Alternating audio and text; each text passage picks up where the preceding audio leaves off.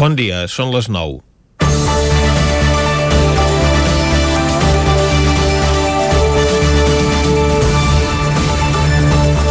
Des de ja fa 20 anys, el grup de defensa del Ter du a terme unes anàlisis de la qualitat de l'aigua de les fonts d'Osona i el Lluçanès. Aquesta és una de les activitats que ara mateix més visibilitza aquest col·lectiu de preservació del medi ambient i també de les més esperades. Ara farà 32 anys que el grup de defensa del Ter va néixer arran d'un episodi de contaminació al riu a Manlleu. La qualitat de l'aigua que hi baixa ha millorat molt en els darrers temps. S'han incrementat els recursos, el sanejament i la conscienciació, tot i que sempre cal estar a la guait. Per això ha anat derivant les seves activitats cap a altres campanyes per denunciar els efectes de la contaminació a la comarca. Un d'ells és la situació dels aqüífers per la presència al subsol de grans quantitats de purins a conseqüència de l'elevada cabana porcina de la comarca, amb uns 800.000 caps, més de 5 per cada habitant.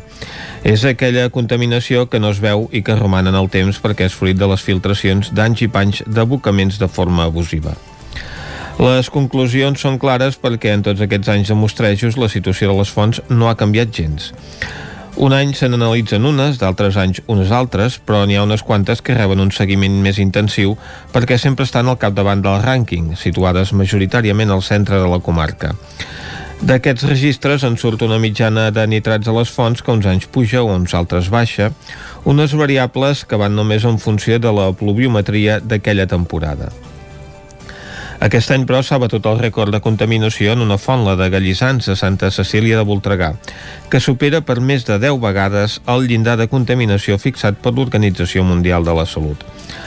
El 80% dels municipis de la comarca estan declarats com a zona vulnerable per excés de purins i més enllà de plans estratègics i bones paraules no s'ha aconseguit massa res per posar solucions a aquest problema. Tampoc sembla que sigui ara el millor moment per intervenir-hi, ja que el preu del porc està a l'alça i el sector agroalimentari està traient un bon rendiment amb l'exportació de la carn.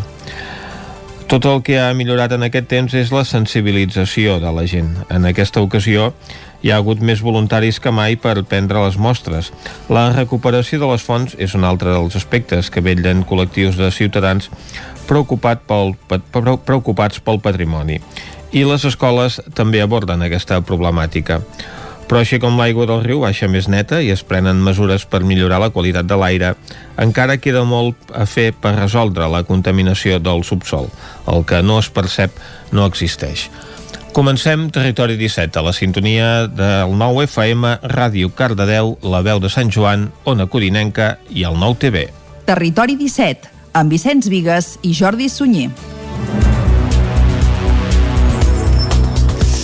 Són les 9 i 3 minuts del dimecres, dia 12 de maig de 2021. Comença ara mateix un nou Territori 17 que avui, com sempre, durant la primera hora us acostarà tota l'actualitat de les nostres comarques. Després, com que és dimecres, les seccions habituals del tercer dia de la setmana. Avui anirem a parlar de literatura lletra ferits. També eh, tindrem el Territori Sostenible amb Jordi Givert, que avui ens cantarà les bondats de la patata del bufet d'Uris. I acabarem fent un repàs a l'agenda cultural per aquest proper cap de setmana arreu del nostre territori pel camí. També entrevistarem en Tortell Poltrona, eh, Jaume Mateu, parlant del seu circ a Santa Maria de Palau Tordera i moltes coses més. Tot això ho farem des d'ara mateix i fins al punt de les 12 del migdia. I com sempre, el que fem ara és arrencar tot fent un repàs a l'actualitat de casa nostra, l'actualitat de les comarques del Ripollès, Osona, el Moianès i el Vallès Oriental. L'estat espanyol planteja aplicar peatges a les vies ràpides de més d'un carril per sentit de circulació a partir de l'any 2024. Caldria pagar, per tant, per utilitzar la C-17 o l'eix transversal un cèntim per quilòmetre. Això és el que haurien de pagar els vehicles que utilitzin via ràpida, segons la proposta que el govern espanyol ha fet arribar a Brussel·les en el marc del compromís que ha adquirit l'executiu espanyol per rebre els fons econòmics del Pla de Recuperació Europeu. A Osona la principal afectació es produiria a la C-17 i a la C-25 l'eix transversal. Aquesta forma de pagament per ús, que s'aplicaria a partir de l'any 2024, s'adapta al model que ja fa temps que funciona a nivell europeu i que hauria de revertir en inversions a les mateixes eixes carreteres i en millores del transport públic. Ho expliquen per aquest ordre Marc Fígols, director d'Estratègia de la Consultoria Factual, i Adrià Ramírez, president de l'Associació per la Promoció del Transport Públic. I, en principi, ha de servir per disposar d'una mobilitat més uh, sostenible i més segura, uh, sobretot si la recaptació uh, s'aplica en millorar les infraestructures, en millorar la seguretat viària i també en disposar d'alternatives no? a, a l'ús d'aquestes carreteres, alternatives reals com, com la millora del transport públic. Millores de freqüències d'autobús, sobretot, uh, són millores que es poden posar, doncs es podrien posar el mes que ve si haguéssim prous, uh, prou, prou inversions, i en el fons la via correcta per anar a Barcelona és el, és el tren, és la millora de l'R3, que és una millora molt urgent. Uh, el que passa és que no l'he citat abans perquè és una millora que, que requereix els seus tempos. Tant Fígols com Ramírez consideren un error que no s'aprofiti l'eliminació de grans peatges a Catalunya aquest estiu per començar a aplicar el model. El sentim a tots dos.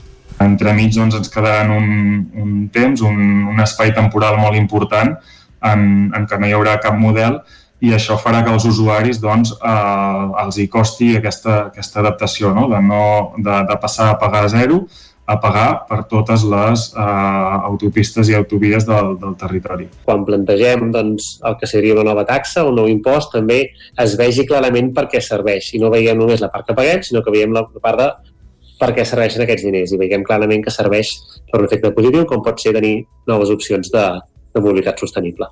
La informació sobre la proposta de l'estat espanyol està apareixent en comptagotes. El peatge per l'ús de via ràpida s'aplicaria progressivament i primer s'establiria en zones properes a grans ciutats. Els Mossos d'Esquadra i la Policia Nacional van portar a terme ahir un gran operatiu per desmantellar un grup criminal que es dedicava a falsificar carnets de conduir. Segons fons policials, a Vic es van detenir 13 persones. Espectacular operació la van fer ahir al matí els Mossos d'Esquadra i la Policia Nacional a Vic en el marc d'un operatiu per desmantellar un grup criminal que es dedicava a falsificar carnets de conduir. De moment a Osona s'han detingut 13 de les 300 persones que ja s'han arrestat en el marc d'una operació que continua en marxa. L'operació va començar ahir a les 6 del matí simultàniament a diferents punts de Catalunya i tenia previstes fins a 16 entrades i registres entre Vic i Girona. Ho detallava Cristina Manresa, cap de la regió policial central dels Mossos d'Esquadra. Investigació la porta al jutjat d'instrucció número 1 de, de Girona. A les 12 del matí hi havia uns 200 detinguts i aquí a Vic ara tenim uns 12-13 detinguts. Eh, és un dispositiu que està en secret, en secret d'actuacions les primeres informacions apunten que la cúpula de la xarxa estava ubicada a Girona, operava per tot l'estat espanyol i ja havia col·locat més de 1.800 carnets de conduir falsos que venien per quantitats d'entre 4.000 i 10.000 euros. Ho feien després de falsificar el corresponent expedient administratiu de la Direcció General de Trànsit gràcies a un informàtic vinculat amb aquest organisme. La causa consta de 9 volums i més de 6.000 folis. La magistrada titular del jutjat d'instrucció número 1 de Girona prendrà declaració als 1.845 compradors de carnets de conduir falsos per videoconferència. La policia local de Ripoll identifica dos menors d'edat que van fer destrosses per un import de més de 2.000 euros al Parc de la Devesa del Pla. Isaac Muntades, des de la veu de Sant Joan. La policia local de Ripoll va identificar dos menors d'edat fent destrosses al parc de la Devesa del Pla del barri de la carretera de Barcelona, la matinada d'aquest passat dissabte. Aprofitant l'ambient de la festa major de Sant Eudal i al final de toc de queda, un grup de quatre joves es van dedicar a destrossar papereres, fitons, il·luminària i tota mena de mobiliari urbà, fins que quan passava un quart d'hora de la mitjanit, la policia local va rebre una trucada ciutadana que alertava d'aquests fets. Dues dotacions d'agents policials es van desplaçar fins a aquell indret i van veure com les quatre persones fugien corrents al lloc dels fets. Després d'una persecució, els agents de la policia en van poder aturar un parell i els van identificar. Es tractaven de dos menors i veïns de Ripoll. Aquesta setmana, l'Ajuntament de Ripoll té la intenció de mantenir una reunió amb els pares per explicar-los els danys ocasionats pels seus fills en el mobiliari urbà i determinar el seguiment del cas, ja que el consistori està estudiant de posar-lo en coneixement de la Fiscalia de Menors de Girona pel fet que l'import total dels desperfectes supera els 2.000 euros. Sigui quina sigui la decisió de l'Ajuntament, les famílies dels joves s'hauran de fer càrrec del cost dels danys ocasionats en el mobiliari urbà. Des del consistori van insistir en que aquestes accions incíviques repercuteixen en tota la ciutadania, que per culpa dels actes d'una minoria veuen com parcs i jardins queden malmesos. A més, cal recordar que no fa pas tant de temps que s'ha adequat i millorat el parc de la Devesa del Pla. Per sort, en aquesta ocasió s'han aconseguit identificar els incívics perquè quan no s'atrapen els autors dels fets, els costos de reparació repercuteixen econòmicament en tota la ciutadania, ja que s'ha de fer ús de diners municipals per les tasques de reparació. En el marc de la Setmana Europea de la Prevenció de Residus, aquest diumenge es va celebrar a Santa Eulàlia de Riu Primer el Let's Clean Europe, una jornada de recollida de residus.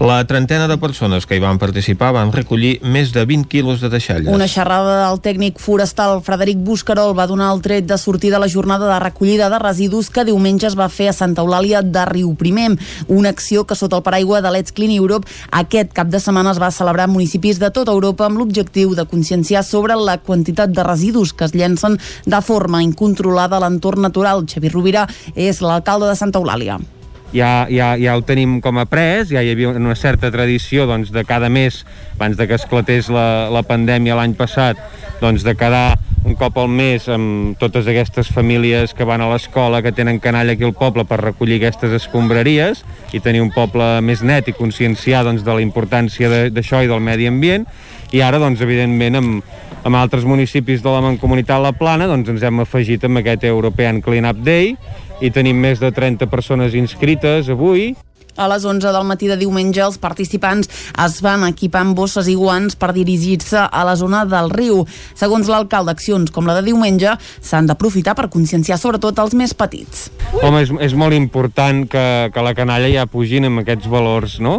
de sostenibilitat, de, de tenir cura del, del medi ambient, per intentar doncs, deixar un planeta una mica més, més bo, millor del, del que l'hem trobat, no? que ja l'hem trobat doncs, força contaminat i força malmès i petites accions d'aquestes tot suma i sobretot que, que això, que els, que els petits, les noves generacions, doncs ho tinguin molt, molt present. En total es van recollir 20 quilos i mig de brossa a la llera del riu. La jornada va finalitzar amb un refrigeri i jocs de fusta sostenible.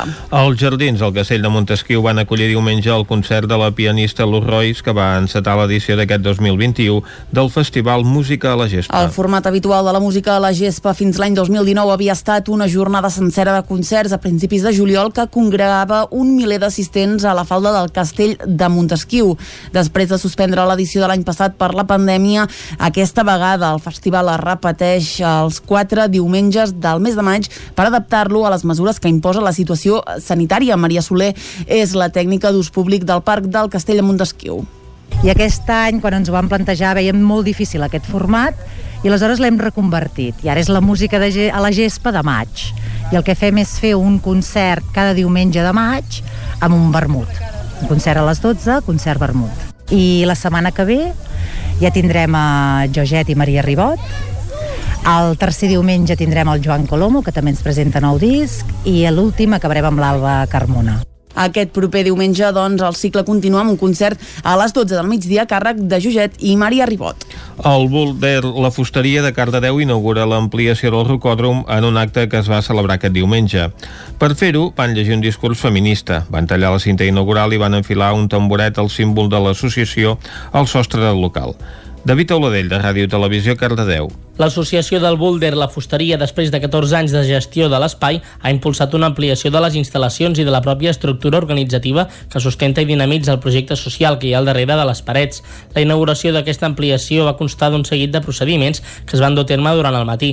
Joan Marc Oliver, vicepresident de l'Associació del Boulder La Fusteria. Doncs l'acte eh, ha sigut molt senzill, eh, s'ha tallat una corda per poder accedir al nou rocòdrom i s'ha pujat s'ha col·locat el símbol del boulder, que és el taburet, l'hem col·locat a, a dalt com a símbol i com a més important s'ha llegit un manifest feminista per recalcar tot allò que no es va poder fer el 8 de març i tot el que aquest eh, rocòdrom eh, sustenta i, i que vol potenciar. L'espai municipal compta actualment amb unes dimensions de 190 metres quadrats de plafó escalable i disposa de diferents zones d'escalada que ofereixen un gran ventall de possibilitats per principants i experimentades. D'aquesta manera i gràcies a la col·laboració de l'Ajuntament de Cardedeu, el Boulder La Fusteria ha aconseguit situar-se al capdavant dels rocòdroms públics de la comarca i consolidar-se com un referent de l'autogestió d'espais municipals. Joana Puig, tresorera de l'Associació del Boulder La Fusteria. En total som aproximadament uns, un centenar de socis els anys passats arribàvem als 120, llavors creiem que això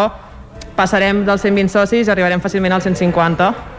Clar, són anys de Covid, això costa una miqueta, però, però bueno, hi ha molta gent interessada, molta gent s'està apuntant, per tant creiem que arribarem a això cap al, cap als 150 socis aproximadament. Entre els reptes que es planteja l'associació figuren propostes com fomentar la pràctica de l'escalada, participar del teixit cultural i esportiu de Cardedeu i incentivar valors que fomentin la igualtat i la cohesió social. Per dur-los a terme plantegen oferir un espai per poder entrenar l'escalada mitjançant una quota anual a un preu popular, activitats pel poble de Cardedeu, actes al llarg de la festa major, l'organització d'un Open Boulder anual i jornades d'escalada en família. També es proposa presentar una oferta d'activitats dirigides a tots els col·lectius de Cardedeu.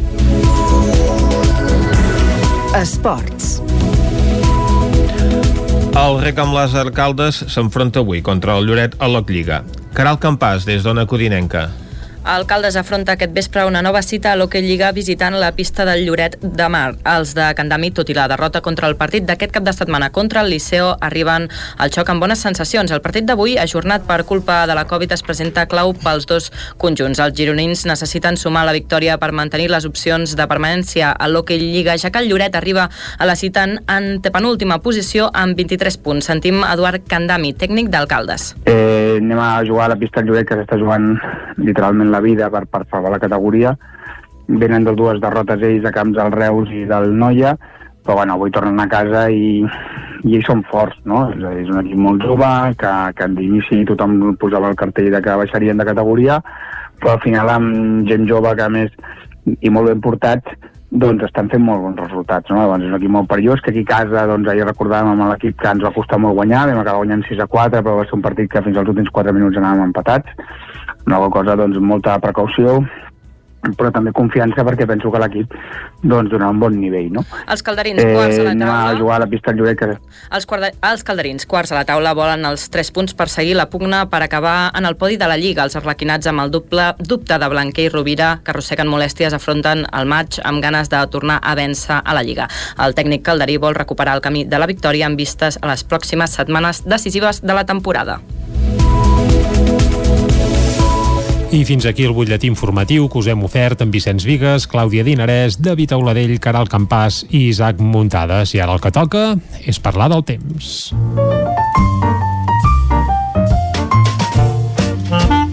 Casa Terradellos us ofereix el temps. I parlar del temps a Territori 17 és parlar amb en Pep Acosta. Bon dia, Pep. Molt bon dia. Molt bon Benvinguts dia. a informació meteorològica d'aquest dimecres. Uh -huh. Espero que hagi començat molt bé el dia. I tant. Primer de tot, una refrescada al temps passat, el temps que va fer ahir, que, bueno, tothom sap el que va fer, però, bueno, sempre va bé Uh, Recordar-li dir quatre mica. pinzellades Va. del passat. Uh -huh. Ahir les tempestes, les precipitacions novament ens van esquivar, van afectar més les comarques gironines que no pas a nosaltres. Uh, Home, les nostres eh, comarques, eh? precipitacions de, meu, de menys de 10 litres, perdó, uh -huh. molt poca cosa. No m'agrada gens, no m'agrada gens. Uh, està aquí la cantonada els dies més calorosos, les calors més grans de l'any i no, no plou, eh? no acaba de ploure i això em neguiteja, eh? no m'agrada gens, gens, gens. El que tenim de bo és que de moment no fa gaire calor. Van passant els dies, ja a mig maig i no fa gaire calor. Això, per una part, és bo, perquè no, no fa que la vegetació encara aguanti bastant bé, i a les nits fa fresca.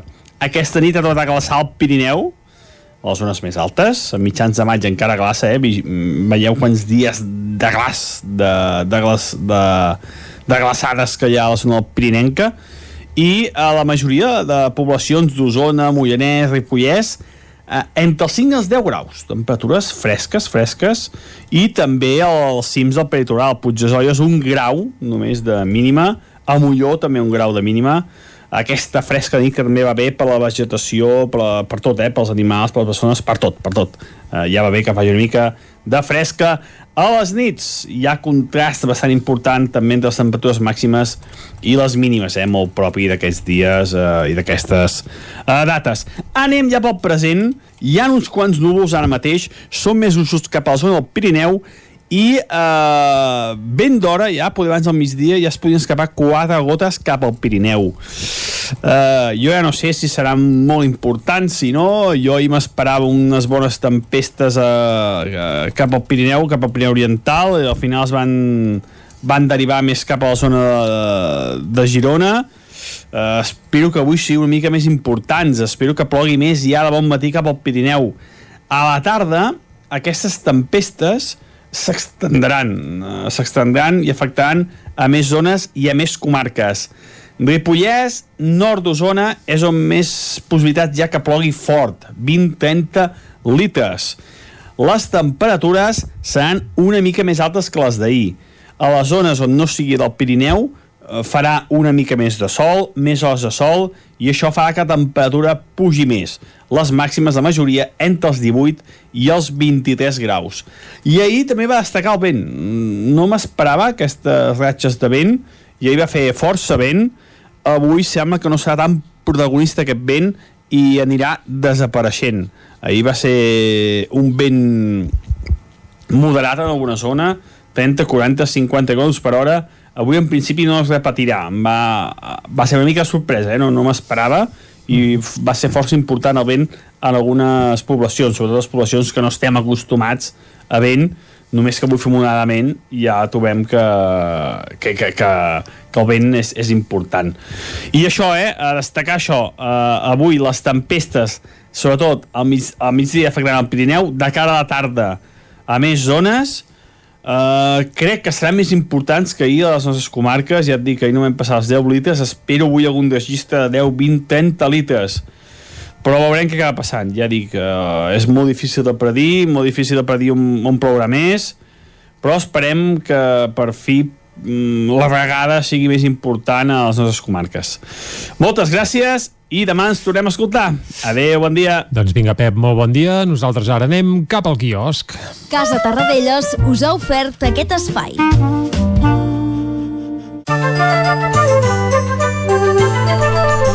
És hora de repassar què diuen les portades dels diaris d'avui, Clàudia. Molt bon dia de nou. Comencem, com sempre, amb el punt avui que diu bloquejats. L'intent d'Esquerra i Junts de reprendre les negociacions no prospera. La investidura s'allunya, tot i els avenços dels republicans amb els comuns. A la imatge, el Barça s'acomiada de la Lliga. Es deixa remuntar un 0 a 2 al camp del Llevant i gairebé diu adeu al títol. Més eh, titulars, no s'investigarà els caps policials per les càrregues de l'1 d'octubre i Israel intensifica l'ofensiva a la franja de gas. Anem al diari Ara, que parla de la nova legislatura. Diu el bloqueig entre Esquerra i Junts acosta la repetició electoral. Els republicans mantenen l'opció del govern en solitari i Junts per Catalunya diu que així no investirà a Pere Aragonès. A la imatge, segon dia d'atacs entre Israel i Gaza, l'OCDE qualifica Madrid de paradís fiscal dins d'Espanya i defensa l'impost de successions i el cap dels antiavalots de la Policia Nacional, com dèiem, de l'1 d'octubre, se salva del judici. En esports, el Barça es deixa empatar pel llevant i es despenja de la lluita per la Lliga. Anem al periòdico que diu les ordres d'allunyament assetgen els multireincidents. Mossos, Fiscalia i jutges confien en les prohibicions cautelars per acabar amb la impunitat dels delictes que no impliquen l'ingrés a presó. A la imatge, el Barça llença a la Lliga, l'equip laurana empata davant del Llevant després de desaprofitar un 0 a 2 i s'acomiada pràcticament del títol i una llei pionera a la Unió Europea canvia l'estatus laboral dels riders. Anem a l'avantguàrdia que diu l'OCDE dona suport a l'harmonització fiscal de les autonomies. L'organisme internacional considera que propostes com la del govern central evitarien la migració de contribuents a Madrid. En política catalana, Esquerra reprèn el contacte amb Junts sense èxit i continua el diàleg amb els comuns i Espanya té un dèficit de 120.000 infermeres. Anem a veure què treuen en portada als diaris de Madrid. Anem al país que diu la Fiscalia avala els tancaments localitzats però qüestiona els tocs de queda. Inglaterra passa el seu primer dia sense morts per Covid des de juliol i a la imatge Israel i Gaza s'intercanvien coets i bombardejos massius. Anem al Mundo que diu Sánchez es desentén del caos i empenya les autonomies a penalitzar l'hostaleria. Precisament veiem el president del govern espanyol a la imatge que diu l'estat d'alarma és passat. Encara en política, Yolanda Díaz fi fitxa a excàrrecs de Rejón i de Colau per obrir Podemos i Brussel·les demana explicacions al govern per al rescat de Plus Ultra. Anem a la raó que diu argumentari per indultar. La Unió Europea no entén que hi hagi polítics presos. A la imatge, tragèdia després d'un tiroteig en una escola russa. Sánchez rebutja l'estat d'alarma i els seus socis pressionen i Sanitat amaga totes les actes de l'interterritorial des de l'any 2020. Acabem, com sempre, amb l'ABC que diu espadas venezolanas en el Río Grande. Milers de persones fugen de la misèria del règim de Maduro i intenten creuar nedant a Estats Units. I Espanya no detalla a Europa com sortirem de la crisi. L'informe de l'autoritat fiscal critica la falta de concreció del pla d'estabilitat del govern. Imatge impactant la que apareix avui a la portada de l'ABC amb aquesta família venezolana creuant el Rio Grande en l'esperança de trobar un futur millor als Estats Units, així com eh, també aquesta imatge dels bombardejos sobre Gaza que protagonitzen la portada del país és una altra de les imatges més impactants de la jornada, un conflicte doncs, que continua provocant desenes de morts i que també ocupa la portada del diari Ara per segon dia consecutiu. L'encallament de les negociacions per formar govern a Catalunya i investir per Aragonès com a president és un altre dels temes que preocupen a la premsa catalana, així com també aquest nou mal resultat del Barça, un altre empat que ja doncs, pràcticament l'acomiada de la possibilitat de guanyar el títol de Lliga. O oh no, vés a saber eh, que amb aquesta Lliga tan boja que hi ha no descartaria que avui els dos Madrids eh, encara També fessin empatin. bo el punt que va sumar ahir el Barça.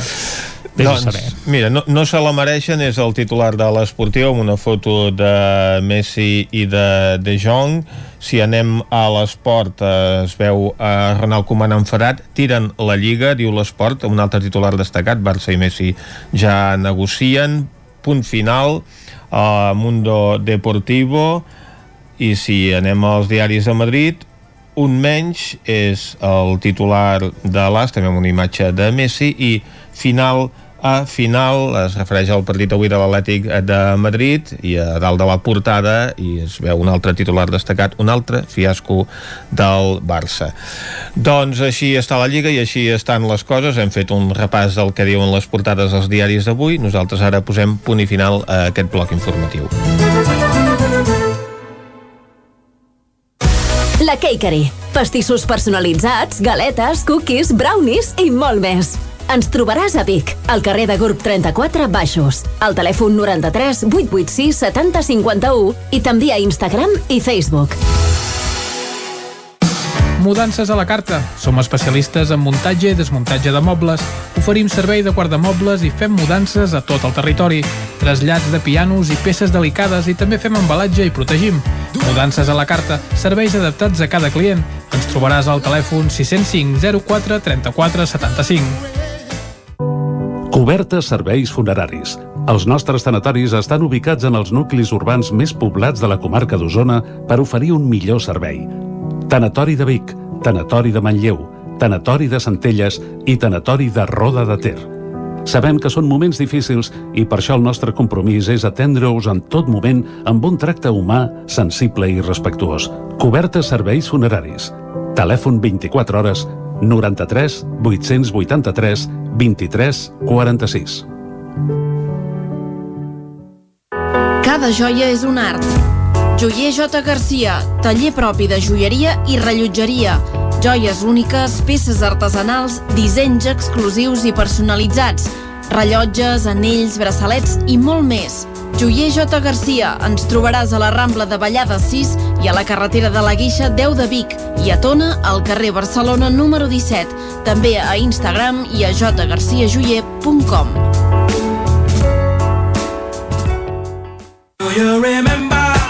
Automòbils Pla de Vall. Som una empresa familiar amb 36 anys d'experiència en la compra-venda de cotxes nous, seminous i d'ocasió. Els nostres vehicles són completament revisats abans de la seva entrega al client, amb els manteniments al dia i amb garantia personalitzada. Finançament a mida del client. Vine a Automòbils Pla de Vall i t'assessorarem. Som a la carretera de la Guixa, número 1719 de Vic. Telepizza Vic, vine a descobrir les nostres ofertes. Tots els dimarts ens tornem bojos, pizzas mitjanes a un preu irresistible i tots els dijous, Family Days.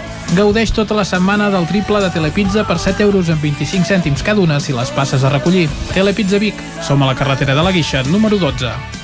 Cocodril Club. Si t'agrada la bona música dels anys 60, 70 i 80, escolta el 9 FM els matins de dissabtes i diumenges d'11 a 1. És el temps del Cocodril Club, tot un clàssic de la ràdio, amb les bases del pop-rock, les llegendes, les cançons que s'han convertit en autèntics himnes. Recorda, dissabtes i diumenges al matí, d'11 a 1, al 9 FM 92.8. Cocodril Club, el programa revival de l'Albert Malla.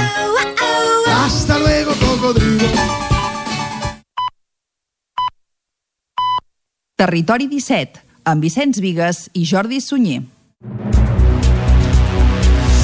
Dos quarts de deu d'avui dimecres, dia 12 de maig de 2021. Seguim en directe aquí a Territori 17 i de seguida us acostarem de nou tota l'actualitat de les nostres comarques. Després, una mica abans de les 10, avui una estrena mundial, el retorn dels Nyandú, aquest grup de la Torre d'Oristà, que precisament avui torna després de més d'un any de silenci amb el secret més ben guardat del pop, un single que estrenarem aquí a Territori 17. Després, a partir de les 10, més informació, entrevista. Avui parlarem amb Tortell Poltrona, aquí a Territori 17. Després parlarem de literatura, el Lletra Ferits, també tindrem el Territori Sostenible amb en Jordi Givert, que ens cantarà les bondats de la patata del bufet d'Uris. Anirem al Descobrint Catalunya, precisament a Uris. Avui tot girarà a l'entorn d'aquesta població del nord d'Osona.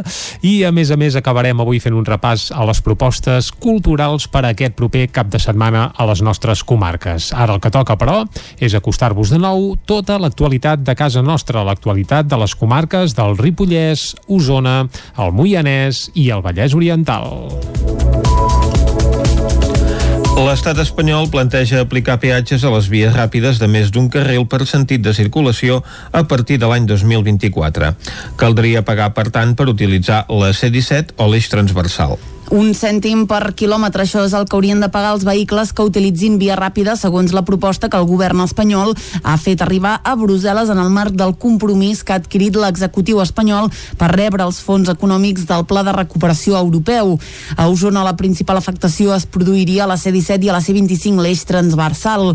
Aquesta forma de pagament per ús, que s'aplicaria a partir de l'any 2024, s'adapta al model que ja fa temps que funciona a nivell europeu i que hauria de revertir en inversions a les mateixes carreteres i en millores del transport públic. Ho expliquen per aquest ordre Marc Fígols, director d'Estratègia de la Consultoria Factual, i Adrià Ramírez, president de l'Associació per la Promoció del Transport Públic. I, en principi, ha de servir per disposar d'una mobilitat més uh, sostenible i més segura. Uh, sobretot si la recaptació uh, s'aplica en millorar les infraestructures, en millorar la seguretat viària i també en disposar d'alternatives no? a, a l'ús d'aquestes carreteres, alternatives reals, com, com la millora del transport públic. Millores de freqüències d'autobús, sobretot, uh, són millores que es poden posar, doncs es podrien posar el mes que ve si haguéssim prous, uh, prou, prou inversions, i en el fons la via correcta per anar a Barcelona és el, és el tren, és la millora de l'R3, que és una millora molt urgent. Uh, el que passa és que no l'he citat abans perquè és una millora que, que requereix els seus tempos. Tant Fígols com Ramírez consideren un error que no s'aprofiti l'eliminació de grans peatges a Catalunya aquest estiu per començar a aplicar el model. El sentim a tots dos.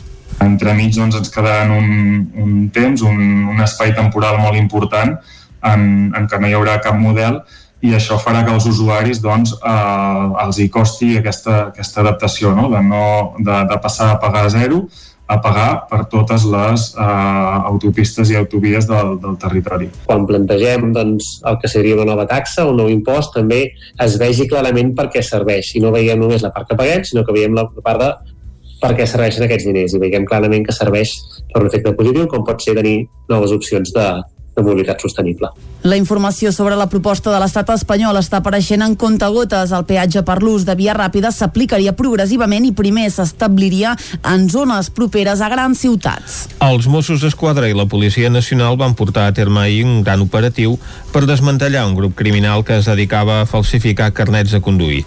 Segons fons policials, a Vic es van detenir 13 persones. Espectacular operació la que van fer ahir al matí els Mossos d'Esquadra i la Policia Nacional a Vic en el marc d'una operació operatiu per desmantellar un grup criminal que es dedicava a falsificar carnets de conduir.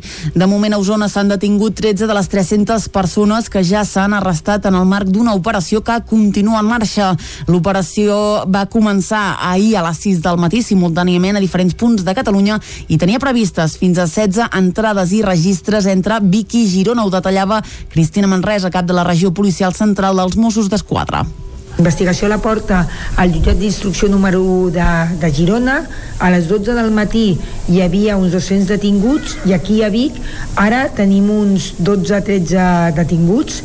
Eh, és un dispositiu que està en secret, en secret d'actuacions les primeres informacions apunten que la cúpula de la xarxa estava ubicada a Girona, operava per tot l'estat espanyol i ja havia col·locat més de 1.800 carnets de conduir falsos que venien per quantitats d'entre 4.000 i 10.000 euros.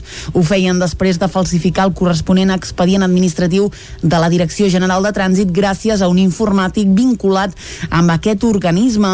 La causa consta de 9 volums i més de 6.000 folis. La magistrada titular del jutjat d'instrucció número 1 de Girona prendrà declaració als 1.845 compradors de carnets de conduir falsos per videoconferència. La policia local de Ripoll identifica dos menors d'edat que van fer destrosses per un import de més de 2.000 euros al Parc de la Devesa del Pla.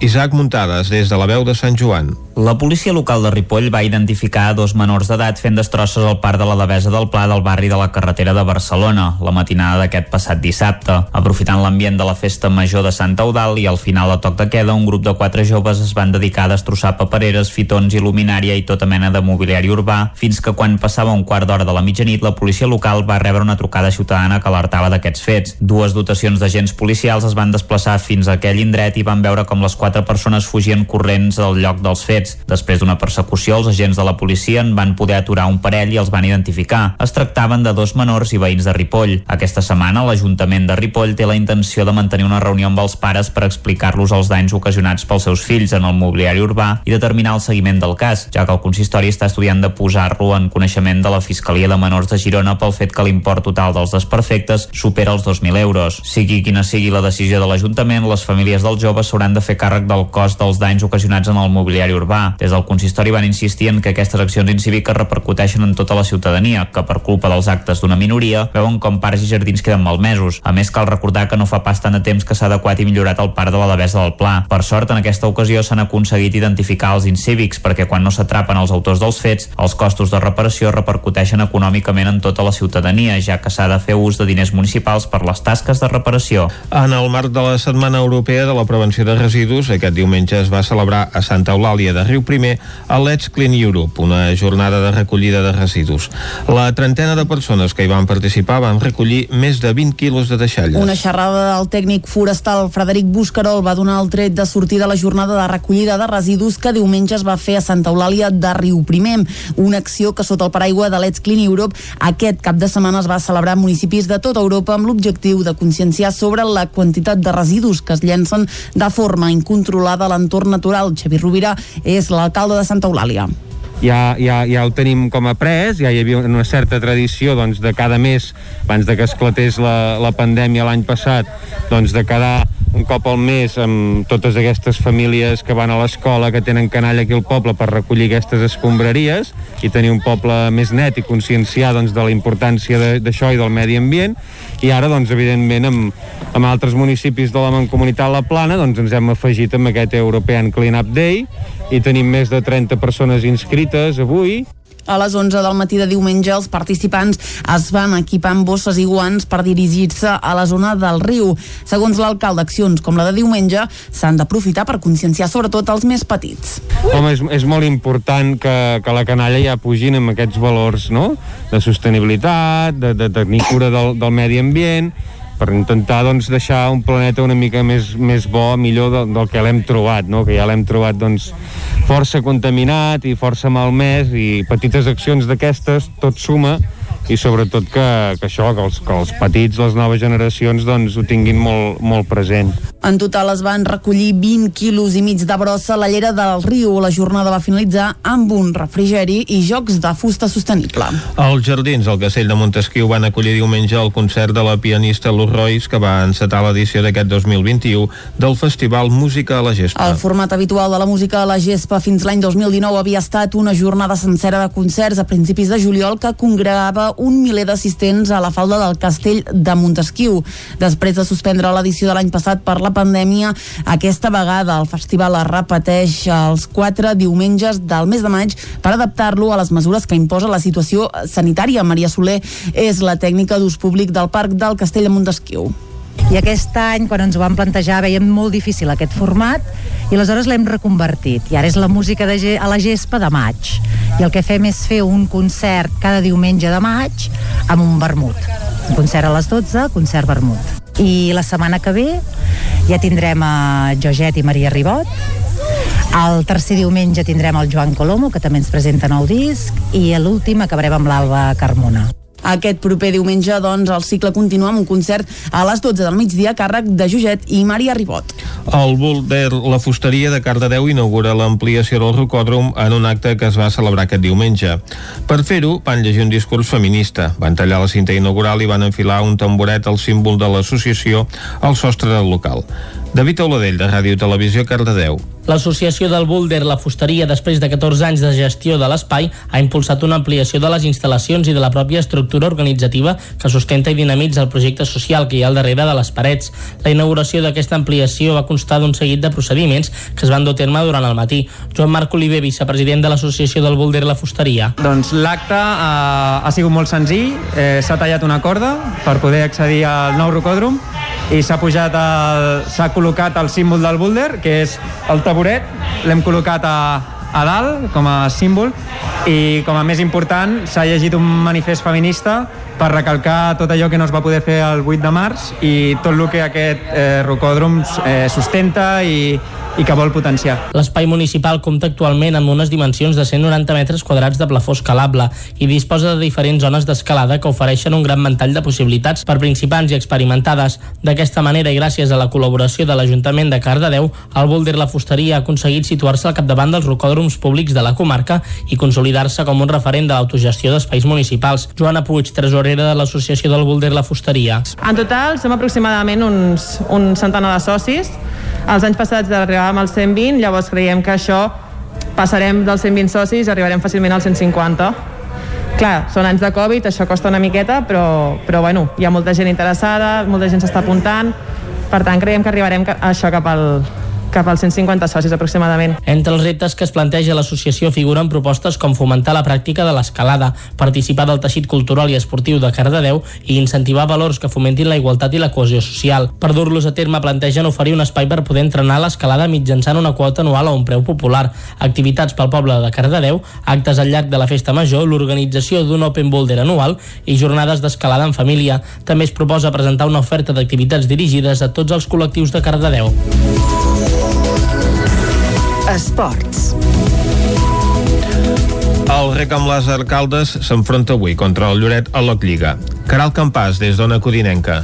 Alcaldes afronta aquest vespre una nova cita a l'Hockey Lliga visitant la pista del Lloret de Mar. Els de Candami, tot i la derrota contra el partit d'aquest cap de setmana contra el Liceo, arriben al xoc amb bones sensacions. El partit d'avui, ajornat per culpa de la Covid, es presenta clau pels dos conjunts. Els gironins necessiten sumar la victòria per mantenir les opcions de permanència a l'Hockey Lliga, ja que el Lloret arriba a la cita en penúltima posició amb 23 punts. Sentim Eduard Candami, tècnic d'Alcaldes. Eh, anem a jugar a la pista del Lloret, que s'està jugant literalment la vida per, per salvar la categoria.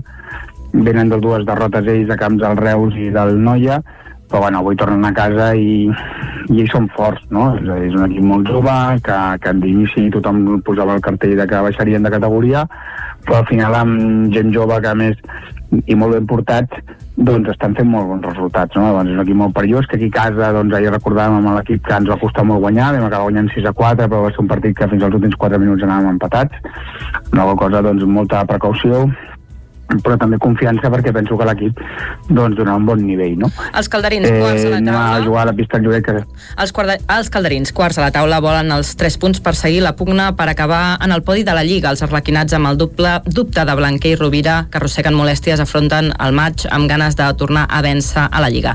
El tècnic calderí vol recuperar el camí de la victòria amb vistes a les pròximes setmanes decisives de la temporada. I fins aquí el butlletí informatiu que us hem ofert amb Vicenç Vigues, Clàudia Dinarès, David Auladell, Caral Campàs i Isaac Muntades. I ara el que toca és parlar del temps.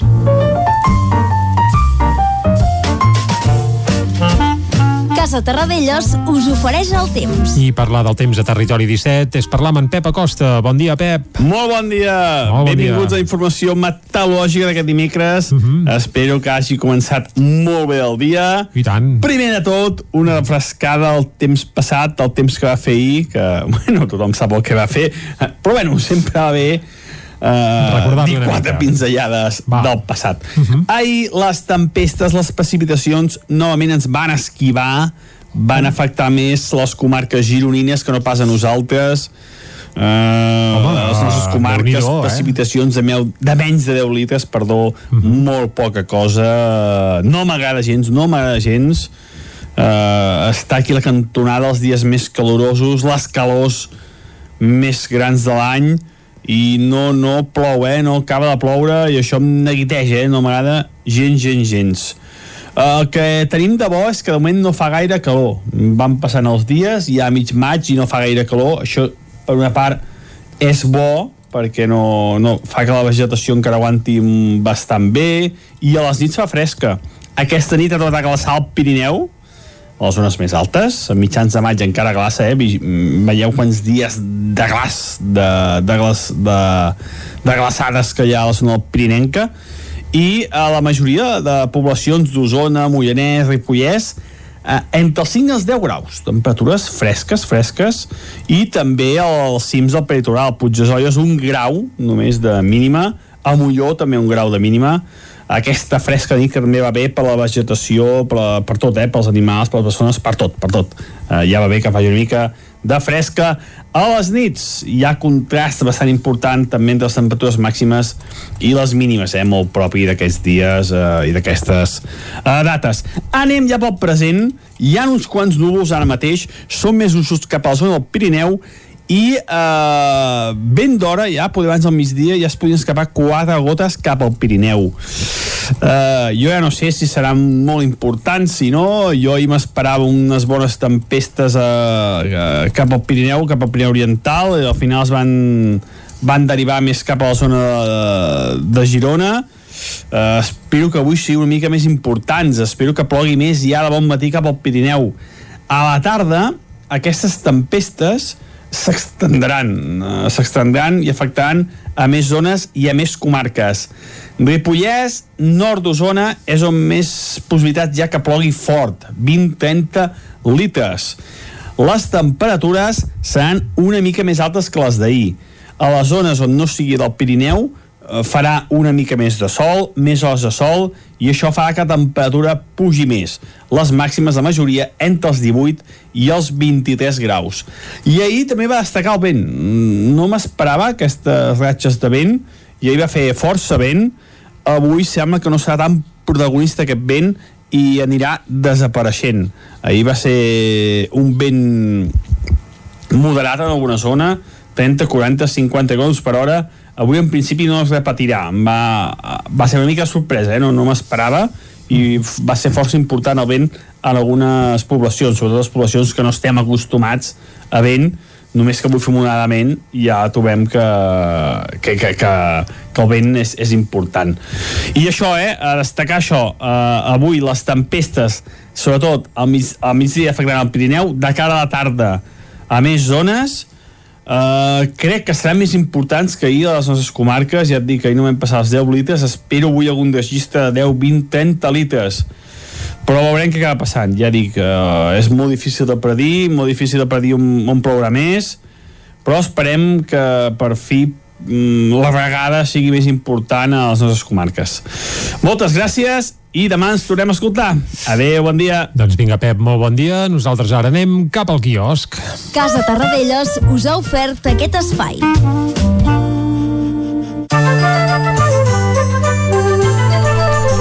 És hora de repassar què diuen les portades dels diaris d'avui, Clàudia. Molt bon dia de nou. Comencem, com sempre, amb el punt avui que diu bloquejats. L'intent d'Esquerra i Junts de reprendre les negociacions no prospera. La investidura s'allunya, tot i els avenços dels republicans amb els comuns. A la imatge, el Barça s'acomiada de la Lliga. Es deixa remuntar un 0 a 2 al camp del Llevant i gairebé diu adeu al títol.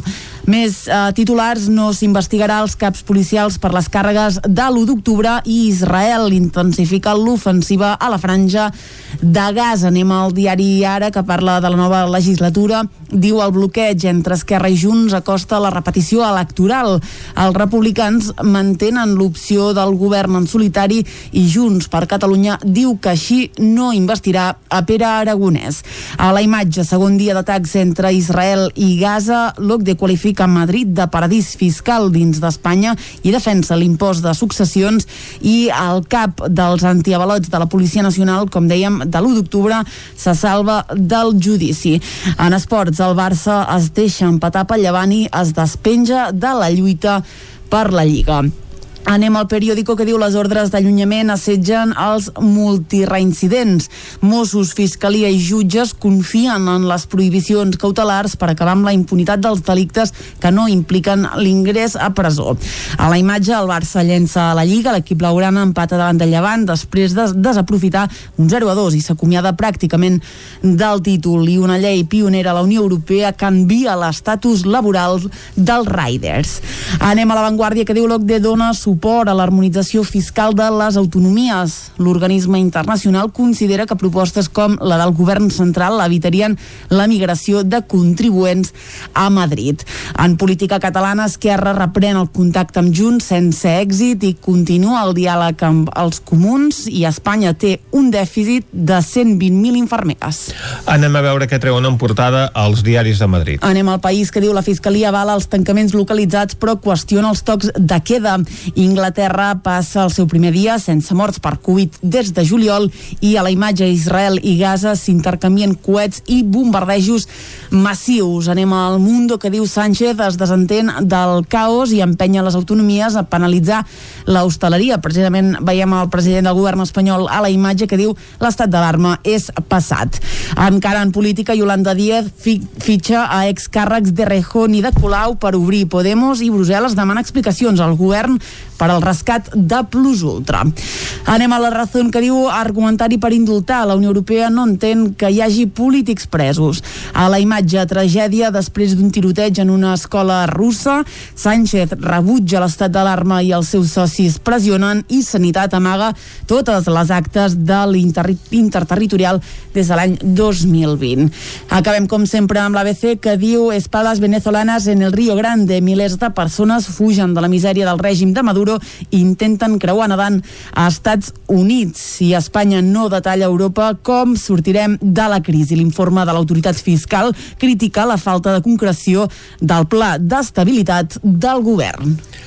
Imatge impactant la que apareix avui a la portada de l'ABC amb aquesta família venezolana creuant el Rio Grande en l'esperança de trobar un futur millor als Estats Units, així com eh, també aquesta imatge dels bombardejos sobre Gaza que protagonitzen la portada del país és una altra de les imatges més impactants de la jornada, un conflicte doncs que continua provocant desenes de morts i que també ocupa la portada del diari Ara per segon dia consecutiu.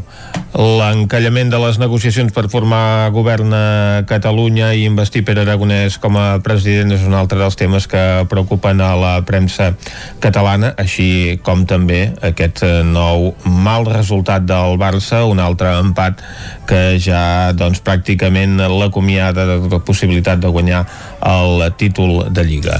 O no, vés a saber eh, que amb aquesta Lliga tan boja que hi ha no descartaria que avui els dos Madrids eh, encara També fessin bo el punt que va sumar ahir el Barça.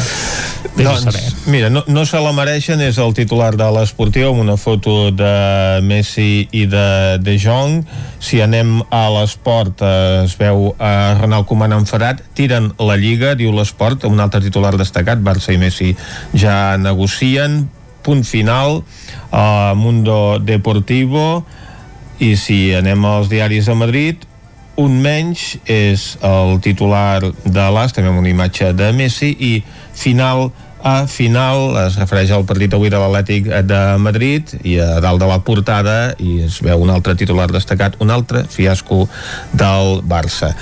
Doncs així està la Lliga i així estan les coses, hem fet un repàs del que diuen les portades als diaris d'avui, nosaltres ara posem punt i final a aquest bloc informatiu. Doncs vinga, punt, punt i final al bloc informatiu, Vicenç, jo crec que Koeman no les té pas totes de cara a la temporada que ve, eh? Ni molt menys, Ah. perquè és evident que en tot això que passa el l'entrenador doncs eh, té algunes virtuts que cal destacar amb el que ha passat aquesta temporada però també és evident que quan les coses es compliquen no hi ha manera que sàpiga fer reaccionar l'equip Bé, i l'altre tema, deixa'm dir que aquests, si més no, els dos últims partits amb l'Atlètic de Madrid i ahir eh, peca de conservadorisme eh, Koeman, eh, i tenint en compte la plantilla que té el Barça, doncs una mica més d'ambició, sobretot a l'hora de buscar la barraca contrària aniria bé. Però va, no, sem, no som en temps de tertúlia esportiva. No.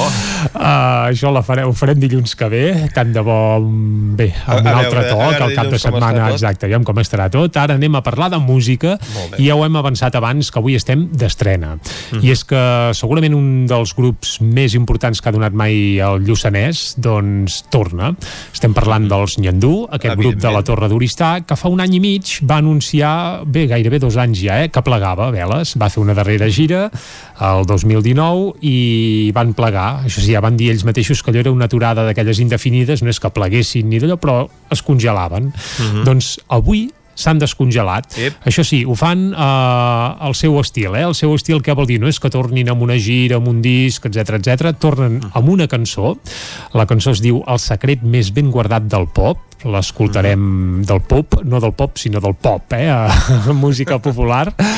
I eh, han avançat doncs, que ara els ve de gust fer cançons i que aniran al seu ritme, fent el que els dongui la gana, traient cançons de tant en tant quan les tinguin fetes, sense cap pressió, sense la necessitat d'haver-les de treure a passejar de gira després, però com que els ve de gust fer-ho, doncs eh, això, eh, ara han tornat, ho han fet apadrinats per Great Canyon Records, el segell de la Joana Serrat, uh -huh. i el primer que han fet doncs, és això, a treure un fantàstic videoclip i també cançó d'aquest El secret més ben guardat del pop, una cançó que s'estrena precisament avui i que nosaltres ara escoltarem sencera aquí a Territori 17.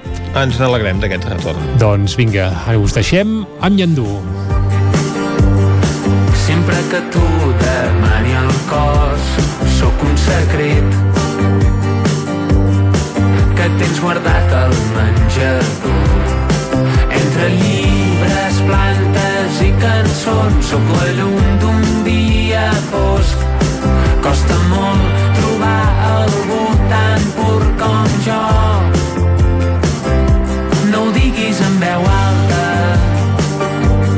coses que no les entén tothom, no ho expliquis als altres.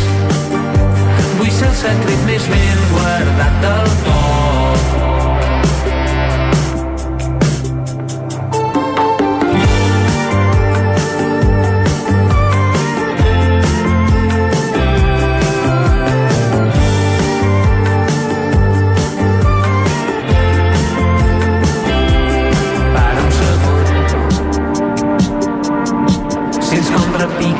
Des del fons el meu tambor que es posa en fase amb el teu cor. No caldran trompetes ni demostracions, només amor. Sóc petit i justament això em fa gros. No ho diguis en veu alta, hi ha coses que no expliquis als altres. Volem ser el secret més ben guardat del foc que corri l'aire. Serà una història oculta entre tu i jo, millor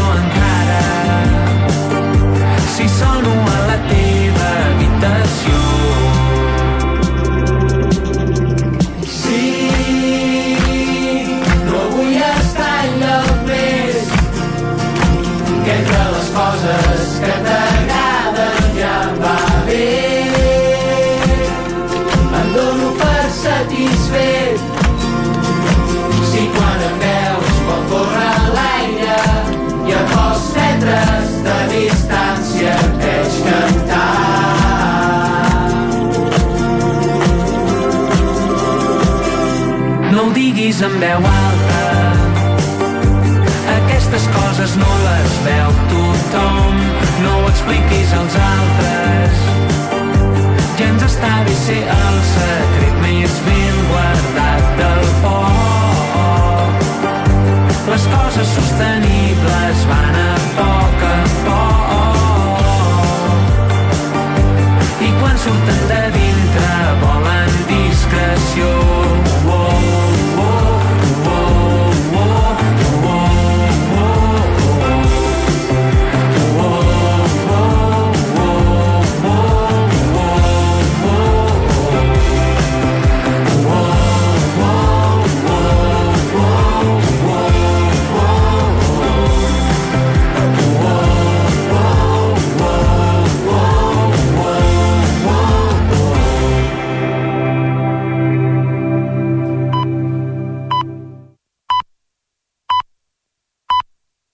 Informació de les nostres comarques, les comarques del Ripollès, Osona, el Moianès i el Vallès Oriental.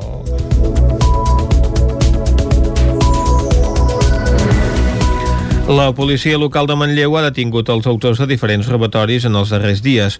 Un va ser el noi que va robar una caixa registradora en un forn de pa i l'altre el van detenir infraganti a l'interior d'un domicili. Fa setmanes explicàvem el cas d'un jove de Manlleu que havia robat una caixa registradora d'un forn de pa només 7 segons en unes imatges que es van fer virals a través de les xarxes socials. Doncs la setmana passada la policia local de Manlleu va detenir a l'autor del robatori a aquest forn de pa ubicat al carrer de la Pau. La persona identificada com a autora del robatori tenia també una ordre de recerca i captura i per això els agents de la policia el van detenir, el van posar a disposició judicial. La segona detenció a Manlleu es va produir dimecres passat a la nit en un robatori a l'interior d'un domicili particular al carrer Garcia Estrada.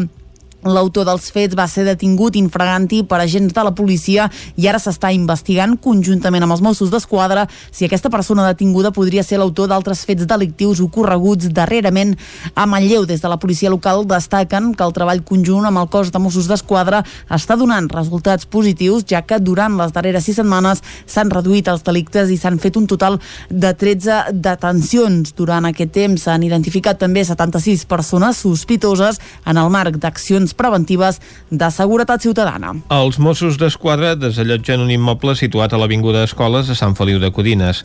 Caral Campàs, des d'Ona Codinenca. La desocupació va començar ahir a les 4 de la tarda. Segons fons dels Mossos d'Esquadra, quatre dotacions s'hi van desplaçar arran d'un requeriment del que ara per ara no n'ha transcendit l'origen. Va ser en aquell moment que es va iniciar un dispositiu de desocupació en un immoble de l'Avinguda Escoles. En aquest sentit, Jordi Codina, cap de la comissaria de Mossos de Caldes de Montbui, va parlar preguntat per Ona Codinenca fa unes setmanes sobre l'augment d'ocupacions a la zona. Mm, I especialment mm, ho hem notat moltíssim, eh? Hi ha hagut un increment molt notable d'ocupacions, especialment de cases buides, de propietat d'un banc o d'un fons d'inversió. Uh, I en aquest sentit doncs, apliquem un protocol uh, validat o amb el suport del partit judicial del jutjat de Gà, que en casos de flagrància ens permet actuar i treure els ocupes. L'acció va comportar el tall d'un tram de l'avinguda des de la Fort fins a la crucenteria a prop del camp de futbol. La desocupació va acabar cap a les 6 de la tarda, dues hores després, amb les persones marxant de l'immoble voluntàriament. La regidora i portaveu de Fem Centelles, Dolors Calm, acusa l'equip de govern de menys preu. Calm, que el mandat passat va ser regidora per Convergència i Unió, es va presentar en les últimes eleccions encapçalant Fem Centelles. Dolors Calm va començar l'actual mandat formant part de l'equip de govern que el PSC, el eh, guanyador de les eleccions, va crear amb Junts, la CUP i FEM. Calm era la responsable de Comerç, Fires, Igualtat i Cooperació, però ara fa un any va passar a l'oposició pel desacord amb la decisió de l'alcalde Josep Paré de retirar-li la tinença d'alcaldia. Sentim a Dolors Calm en declaracions al programa Anglo Obert del 9 bé. Clar, el moment que jo passo a l'oposició, a part de que això s'ha portat molt malament des de la part de l'equip de govern, a mi el menyspreu, eh, la desqualificació és molt constant, cosa que eh, a nosaltres la, la primera intenció de totes va ser passar a l'oposició però amb una oposició positiva, uh -huh. eh, de portar i de no fer, però se'ns fa molt difícil a mi ara m'estan vetant qualsevol informació de l'Ajuntament. Jo per obtenir qualsevol informació de l'Ajuntament, com pot ser veure la factura o veure un expedient, La meva única solució ha estat poder anar a la Comissió de Garanties pel dret a la informació pública de la Generalitat. Calma es va mostrar molt dolguda amb l'actual equip de govern de Centelles i sobretot amb el regidor de la CUP, Víctor Barquer. Cardedeu Vital va organitzar una revolta escolar el passat divendres per demanar més carrils bici a la vila. David Oladell, de Ràdio Televisió Cardedeu. El passat divendres es va dur a terme una bicicletada reivindicativa a càrrec de Cardedeu Vital. Sumant-se a la revolta escolar, la iniciativa demana més carrils bici i una major seguretat pels infants i joves que van en bicicleta a les escoles. Maria Vidal, representant de Cardedeu Vital. La revolta escolar en alguns, en alguns llocs tallen els carrers per reivindicar major seguretat i nosaltres en lloc d'un tall hem volgut fer una massa crítica on passarem per carrers que considerem que encara falten millores perquè puguin anar els infants en bicicleta i patinet. Des de Cardedeu Vital fa anys que estan reivindicant millors condicions per la gent que va en bicicleta per Cardedeu i ara s'han adherit a la revolta escolar que està tenint lloc a molts pobles de Catalunya. Amb aquest acte l'entitat busca que la gent prengui consciència que la bicicleta no és un transport minoritari, sinó que és molt necessari pel dia a dia i per descongestionar les ciutats i els pobles. Sandra Bacerril, membre de la coordinadora d'AMPAs de Cardedeu. La idea és sobretot eh, enfocat molt cap als nens quan van a les escoles, els joves quan van als instituts i a la resta de ciutadans de Cardedeu que ens puguem moure amb molta facilitat en bicicleta.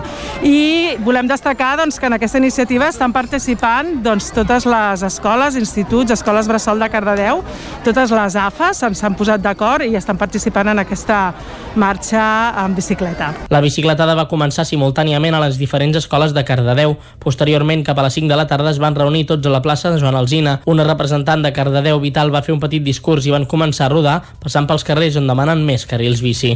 El biguetà Bernat Ibáñez, de 17 anys, participarà a les Olimpíades Internacionals de Física 2021 que es faran a Vilnius, a Lituània. El primer contacte de Bernat Ibáñez amb la física va ser després de la lectura del llibre La porta dels tres panys, un conte de Sílvia Fernández que aborda temes de física i matemàtiques complexes però amb una perspectiva infantil i animada.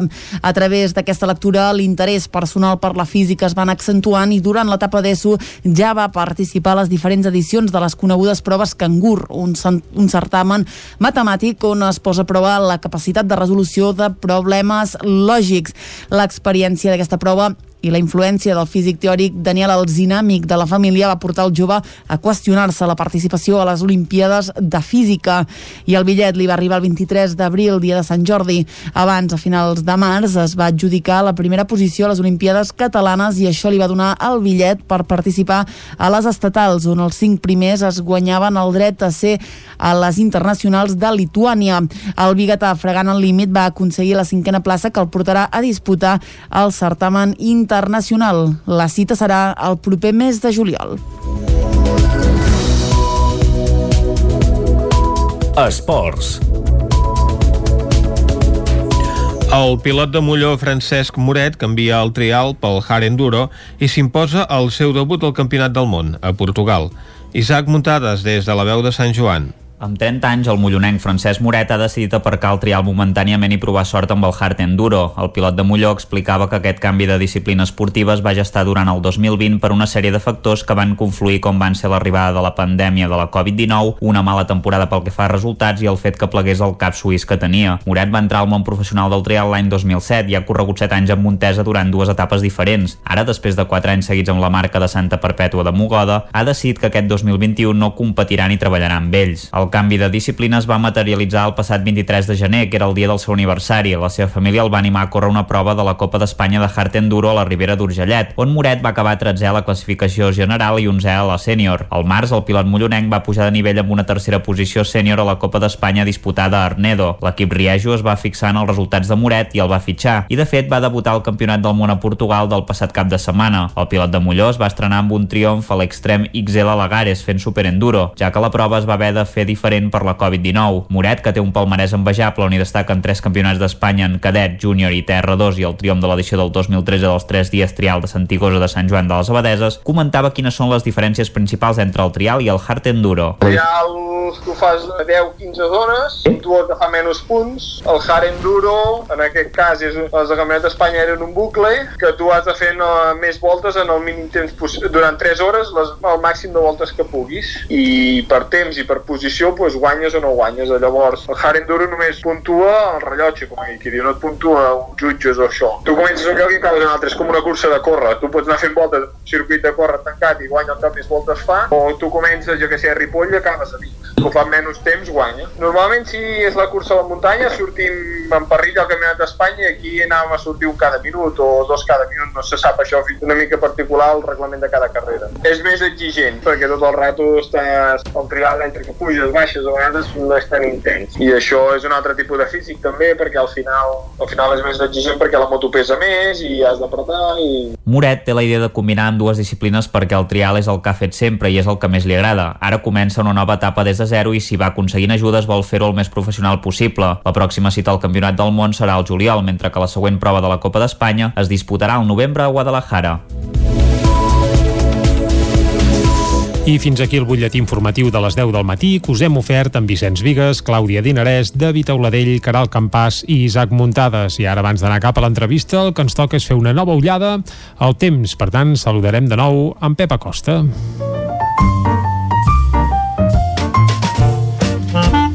Casa Terradellos us ofereix el temps. Vinga, bon dia de nou, Pep. Molt bon dia. Molt bon Benvinguts dia. a informació meteorològica d'aquest dimecres. Hi ha uns quants núvols ara mateix, són més usos cap a la zona del Pirineu i eh, ben d'hora, ja, poder abans del migdia, ja es podien escapar quatre gotes cap al Pirineu. Eh, jo ja no sé si seran molt importants, si no, jo ahir m'esperava unes bones tempestes eh, cap al Pirineu, cap al Pirineu Oriental, i al final es van, van derivar més cap a la zona de, de Girona. Uh, espero que avui sigui una mica més importants, espero que plogui més ja de bon matí cap al Pirineu. A la tarda, aquestes tempestes s'extendran, uh, s'extendran i afectaran a més zones i a més comarques.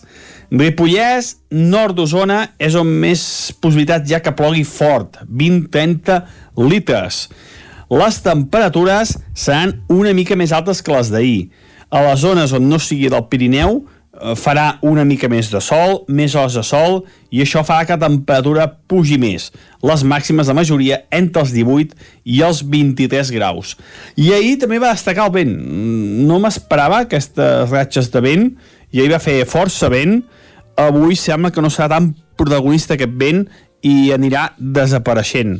Ahir va ser un vent moderat en alguna zona, 30, 40, 50 km per hora, avui en principi no es repetirà. Va, va ser una mica sorpresa, eh? no, no m'esperava, i va ser força important el vent en algunes poblacions, sobretot les poblacions que no estem acostumats a vent, només que avui fer moderadament ja trobem que, que, que, que, que el vent és, és important. I això, eh, a destacar això, eh, avui les tempestes, sobretot al, mig, al migdia afectaran el Pirineu, de cara a la tarda a més zones, Uh, crec que seran més importants que ahir a les nostres comarques, ja et dic que ahir no vam passar els 10 litres, espero avui algun registre de 10, 20, 30 litres. Però veurem què acaba passant. Ja dic, uh, és molt difícil de predir molt difícil de predir on, on plourà més però esperem que per fi mm, la vegada sigui més important a les nostres comarques. Moltes gràcies i demà ens tornem a escoltar adeu, bon dia Vinga, bon dia, Pep, moltes gràcies. Vicenç, eh, va ploure força ahir, eh? Alguns tant, racons de les nostres tant. contrades. Sí, sí. I, a més, avui ens hem llevat, ja ho ha dit en Pep, amb temperatures força baixes. Eh, repassem algunes pluges i també algunes temperatures. Doncs repassem algunes dades perquè en Pep per menys de 10 litres no s'hi posa i la veritat és que hi va fer ruixats a diferents eh, llocs, a moltes poblacions, 2-3 litres, que és una mitjana que bé, que déu nhi si cada dia ploguessin 2 o 3 litres, eh, doncs Ompliríem els pantans de seguida. Ara, exacte. Sí, senyor. Seria un índex de pluviometria que estaria molt i molt bé. Ahir el punt on més va ploure va ser a Ull de Ter, van caure 7 litres, s'ha tornat a enfarinar al Pirineu, 6 litres al Pens, 5 i mig a Molló, 5 a Sant Pau de Segúries o 3 i mig a Núria, són els punts on més va ploure al llarg del dia d'ahir i avui doncs, ens hem llevat de nou amb temperatures baixes. Ha tornat a glaçar en alguns punts, ho ha fet de nou a Vall de Núria, ja va fer-ho ahir, avui doncs també un grau negatiu a Vall de Núria, però ha fet més fred a Ull de Ter, on han caigut, doncs, on hi ha hagut una temperatura baixa de 3, de 3 graus negatius, també ha glaçat a Sant Sadurní d'Usur Mort, eh, en punts on, on, on també ha baixat molt el termòmetre, a dalt del Puigdesolles, doncs un grau i tres dècimes ha estat la temperatura mínima, un grau i mig a Molló, un grau i vuit dècimes a Rupit, el termòmetre ha baixat fins als dos graus a punts com eh, Collsospina, Caralps, Camprodon o Planoles, a Espinelves 2 graus i mig, a Viladrau 2 graus i 8 dècimes, també a Sora, i a punts com Malla, Olós, Tavernoles o Montesquieu el termòmetre ha baixat fins als 3 graus en diferents poblacions ha fet doncs, un, una mica més de la mínima ha estat una mica superior però vaja, en qualsevol cas mínimes eh, molt baixes en aquest eh, 12è dia del mes uh mhm. -huh. de maig amb aquestes glaçades que ja veu Jordi que Sant Sadurní d'Usurmort sí, no se n'escapa no, no m'estranya, no m'estranya uh, és el nostre observatori fetitxe Sant Sadurní d'Usurmort però ara no anirem cap a Sant Sadurní d'Usurmort sinó que anirem cap a la falda del Montseny però per l'altre cantó, pel cantó Vallèsà uh -huh. uh, perquè conversarem uh, bé, amb el pallasso dels països catalans per un tonomàsia, el més conegut no dic pas ni el nom, de seguida el saludem sí? Tanquem aquí el tema meteorològic sí, anem senyor. a l'entrevista, doncs va Casa Tarradellas us ha ofert aquest espai.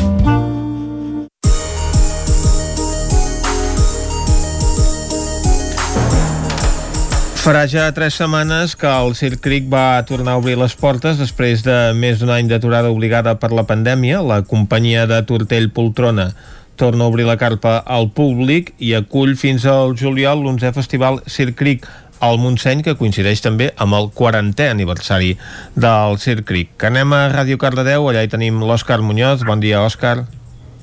Bon dia, Vicenç. Doncs sí, avui parlem amb en Tortell Poltrona, en Jaume Mateu, fundador del Circric, de Països Sense Fronteres, i doncs això, ficat professional des del 1975. O sigui, bon dia, Tortell. Bon dia, bon dia, bona hora. Bon dia. Eh, ja, com hem comentat, veu obrir el 22 d'abril d'aquest any, farà com 3 setmanes. Quina ha sigut la resposta del públic? Eh, la gent tenia ganes de riure?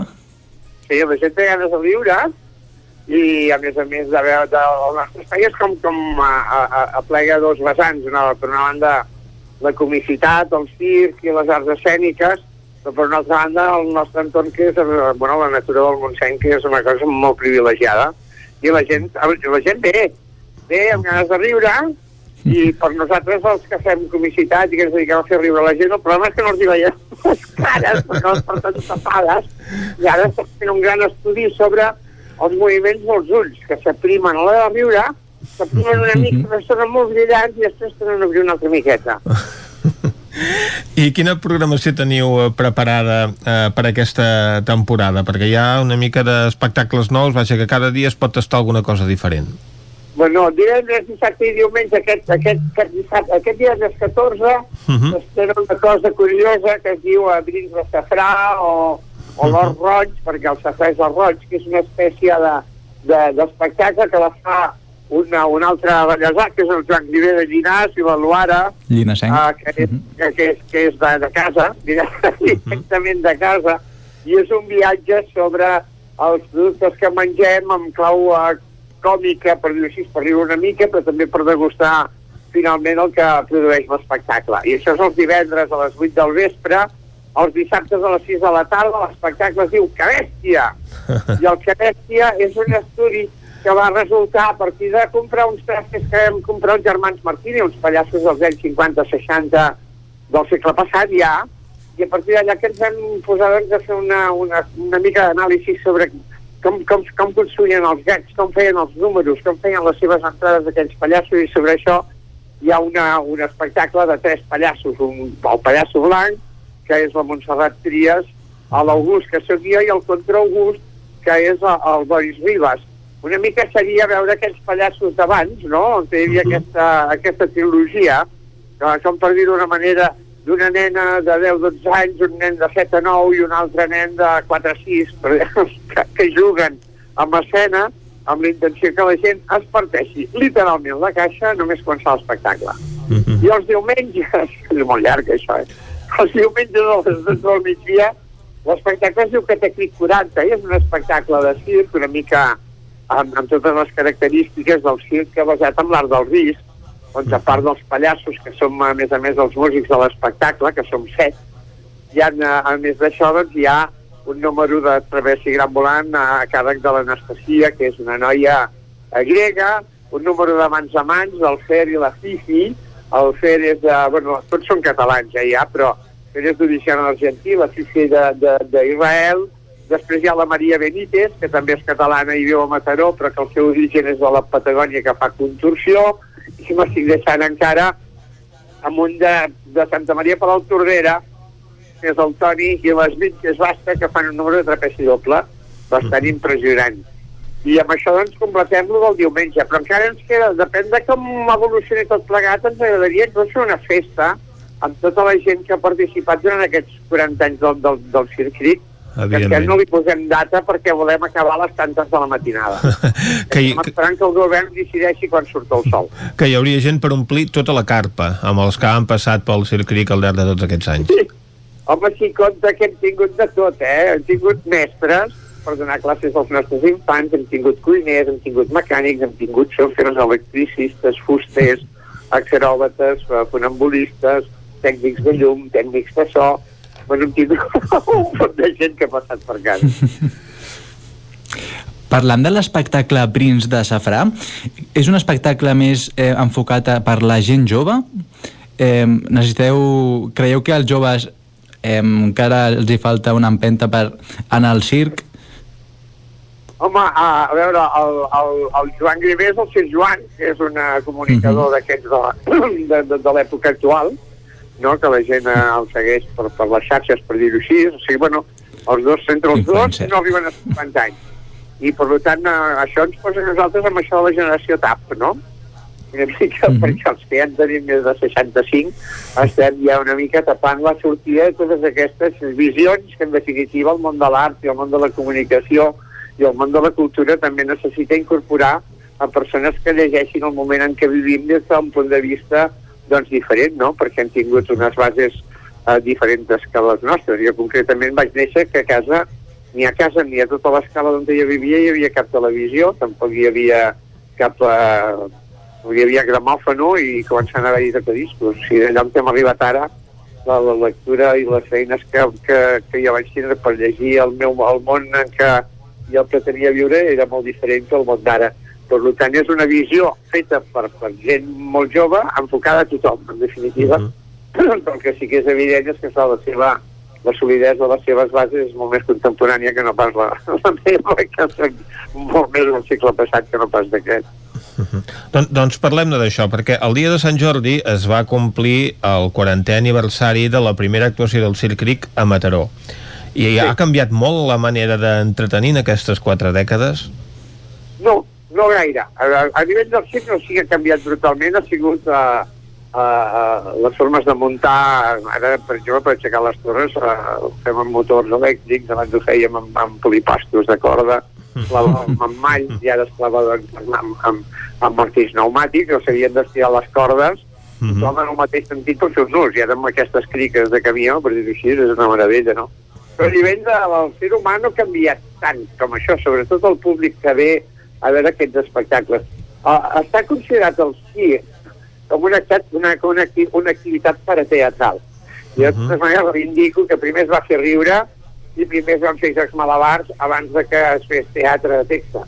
no sé que som molt antics, però sí que el nostre espectacle l'ha dirigit bàsicament a, a, a un públic a, a, a, a, que està, doncs, a, a, a, diria, bàsicament a, a, a nanos, i amb aquests nanos a les seves famílies. Uh -huh. I amb això és amb el que ens basem el nostre espectacle. Que és molt maco de veure des del centre de la pista és veure com els pares i els avis, a partir de la lectura que fan els seus nets o els seus fills, tornen a viure una altra vegada aquestes sensacions i aquestes emocions que eren capaços de viure quan ells eren infants. I una mica això és una, una cosa que, que personalment reivindico, no?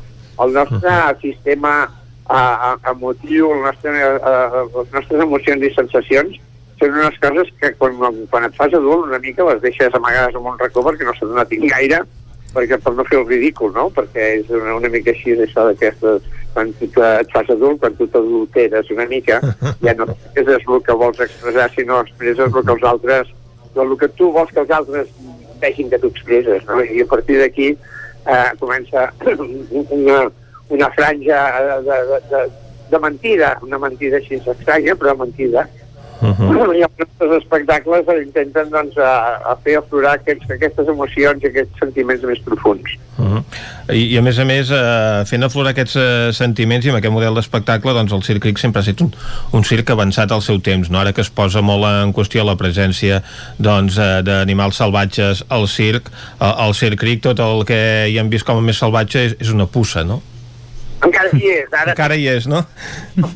Sí, l'espectacle del diumenge es diu Patrick 40, Mhm. jo vaig fer tres números que vaig fer fa molts anys, perquè també són els que, els que, els que tinc més tancadets i més parets. Ah, home, el, circ va ser, des de que es va inventar a, finals del 1700, a l'espectacle de modernitats. El circ tenia mobilitat i el circ podia portar tot el que desafiava el sentit comú.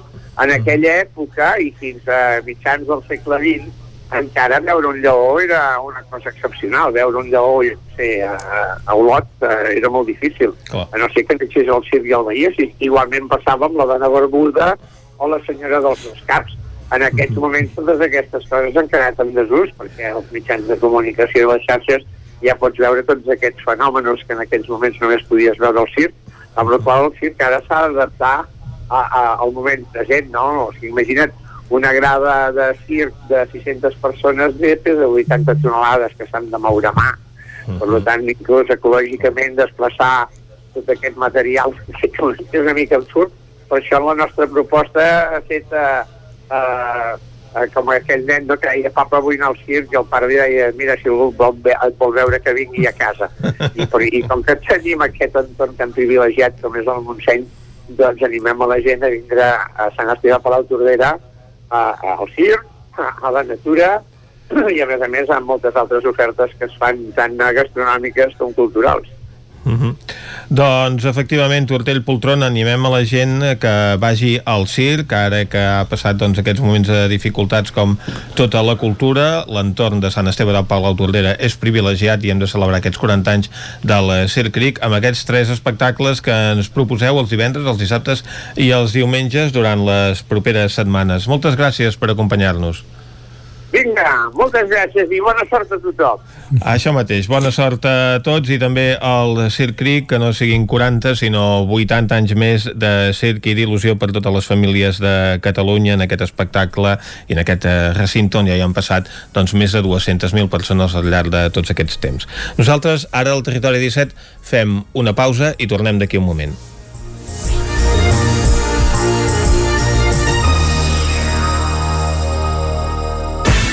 El nou FM, la ràdio de casa, al 92.8. Cada joia és un art. Joier J. Garcia, taller propi de joieria i rellotgeria. Joies úniques, peces artesanals, dissenys exclusius i personalitzats. Rellotges, anells, braçalets i molt més. Joier J. Garcia, ens trobaràs a la Rambla de Vallada 6 i a la carretera de la Guixa 10 de Vic i a Tona, al carrer Barcelona número 17. També a Instagram i a jgarciajoyer.com. Mudances a la carta. Som especialistes en muntatge i desmuntatge de mobles. Oferim servei de guardamobles i fem mudances a tot el territori. Trasllats de pianos i peces delicades i també fem embalatge i protegim. Mudances a la carta. Serveis adaptats a cada client. Ens trobaràs al telèfon 605 04 34 75.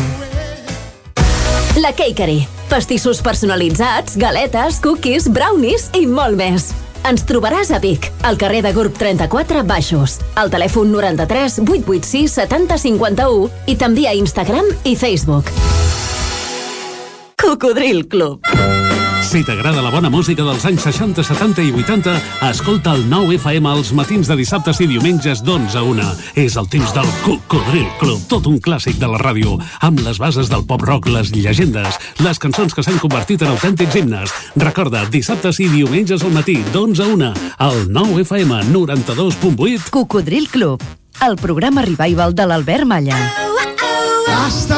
luego, cocodrilo. Xalant, moda i complements. Nova temporada primavera-estiu. Moda home-dona, nen-nena, sabates, bosses de mà, maletes, complements i molt més. Vine a veure, ens trobaràs una secció d'ofertes amb roba de la temporada passada a 10 euros i 19 euros. Vine a Can Xalant, ens trobaràs al carrer Sant Tomàs número 6 de Call d'Atenes. També a Instagram i Facebook.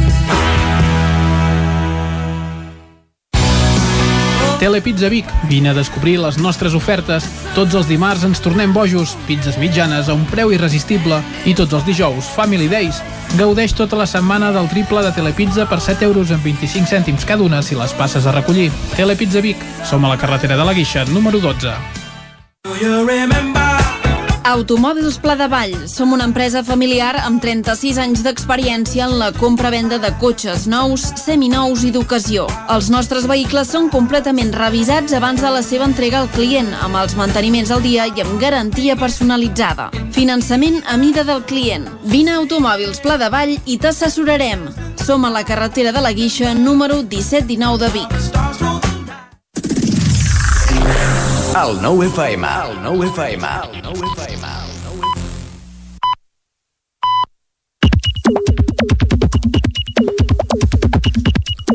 Són dos quarts onze i ara al Territori 17 anirem a parlar amb l'Isaac Moreno, que ja ens té a punt totes les piolades del dia. Bon dia, Isaac. Bon dia, bona hora. Què comenta avui la gent? Suposo que tornem a tenir l'actualitat política al primer pla. Evidentment. Arnau Martí, per exemple. Al final, els que volien la convocatòria del 14F el 30 de maig la tindran, sense estat d'alarma i sense excuses.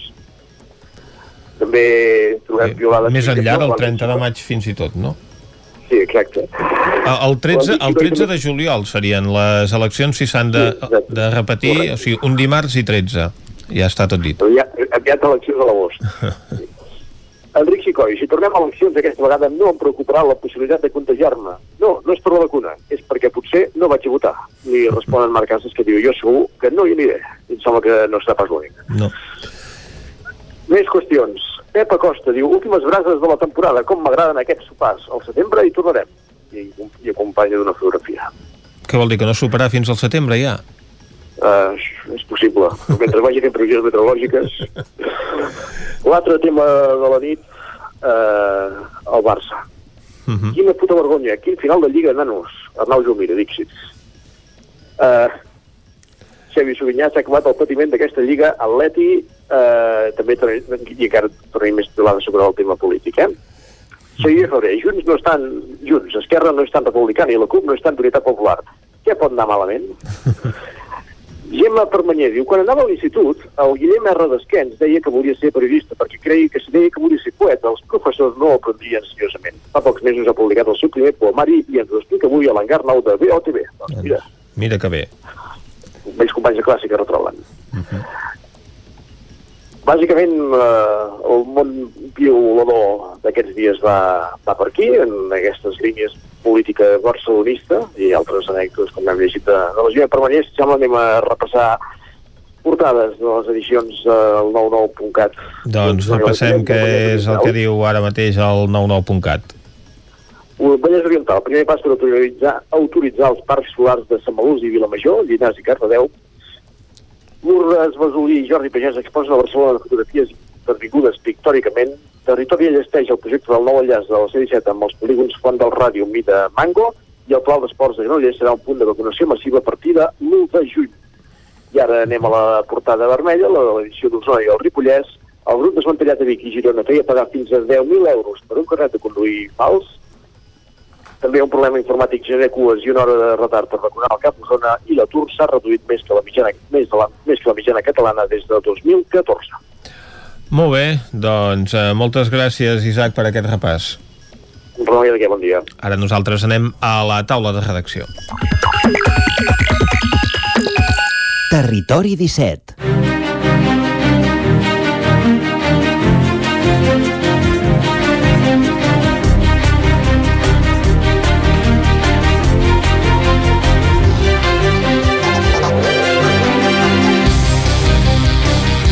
Avui, en aquest repàs de temes d'actualitat, ens acompanyaran en Guillem Freixa i en Jordi Vilarrodà.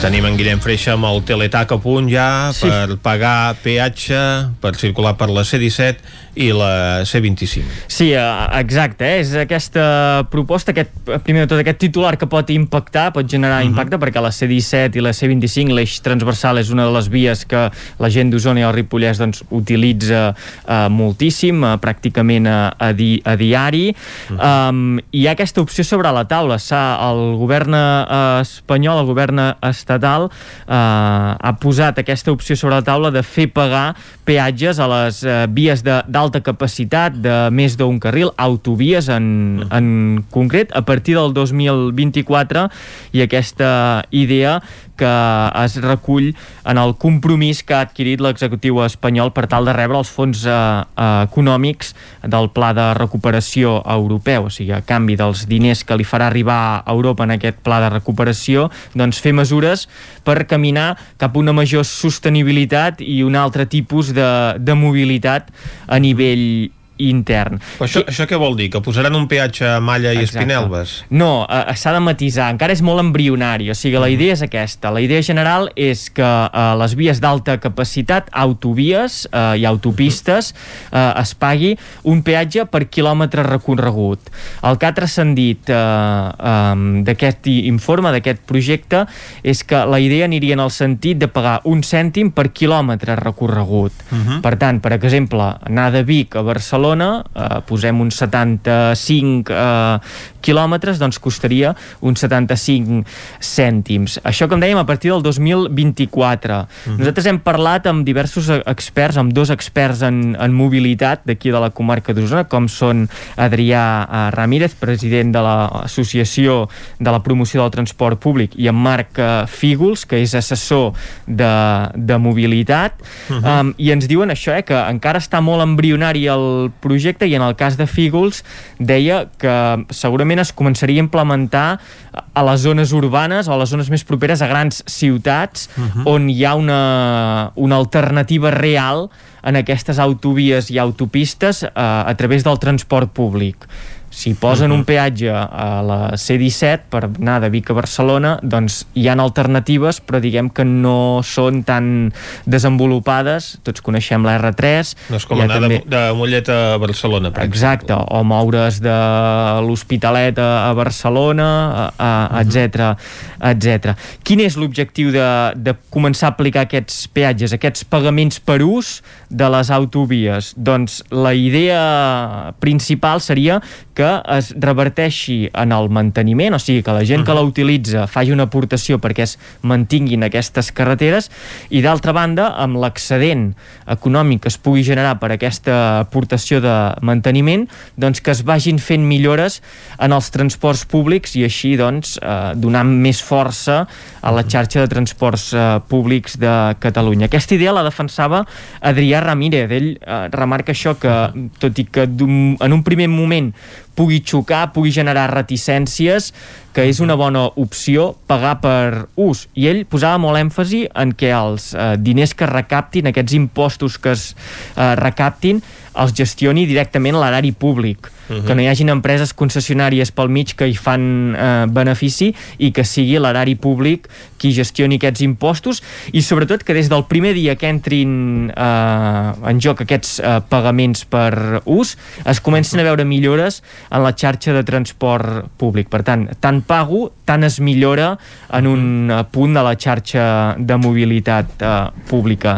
De Però fet, això defensa Adrià Ramírez. No vol sí, dir que el govern espanyol acabi eh, duent a terme no. doncs, aquesta política de fomentar el transport públic per reduir l'ús del vehicle privat. O sigui, la idea... En el marc d'aquest pla de sí. sostenibilitat i de... La idea seria, o sigui, la idea que es presenta, la teoria sí que diu això. Ara, uh -huh. eh, si tornem a posar concessionàries pel mig, empreses que potser buscaran un benefici que per tant es reduirà de la part d'impost que, que pagui el ciutadà, se'n quedaran segurament una part com a, uh -huh. com a benefici, doncs això eh, perdrà perdrà eh, uh, força. A Europa ja es fa aquesta opció de, de pagar per ús, de fet, uh, 23 dels 27 països membres ja tenen eh, formats projectes d'aquesta eh, tipologia i l'estat espanyol doncs, ha de caminar cap a aquesta opció també Marc Fígols llavors posava el focus en un altre tema i és que si s'engega aquest pagament per ús en les vies d'alta capacitat en les autovies, uh -huh. molta gent què farà? No voldrà anar per les autovies i buscarà carreteres secundàries que solament no estan uh -huh. preparades, són molt menys segures que les autovies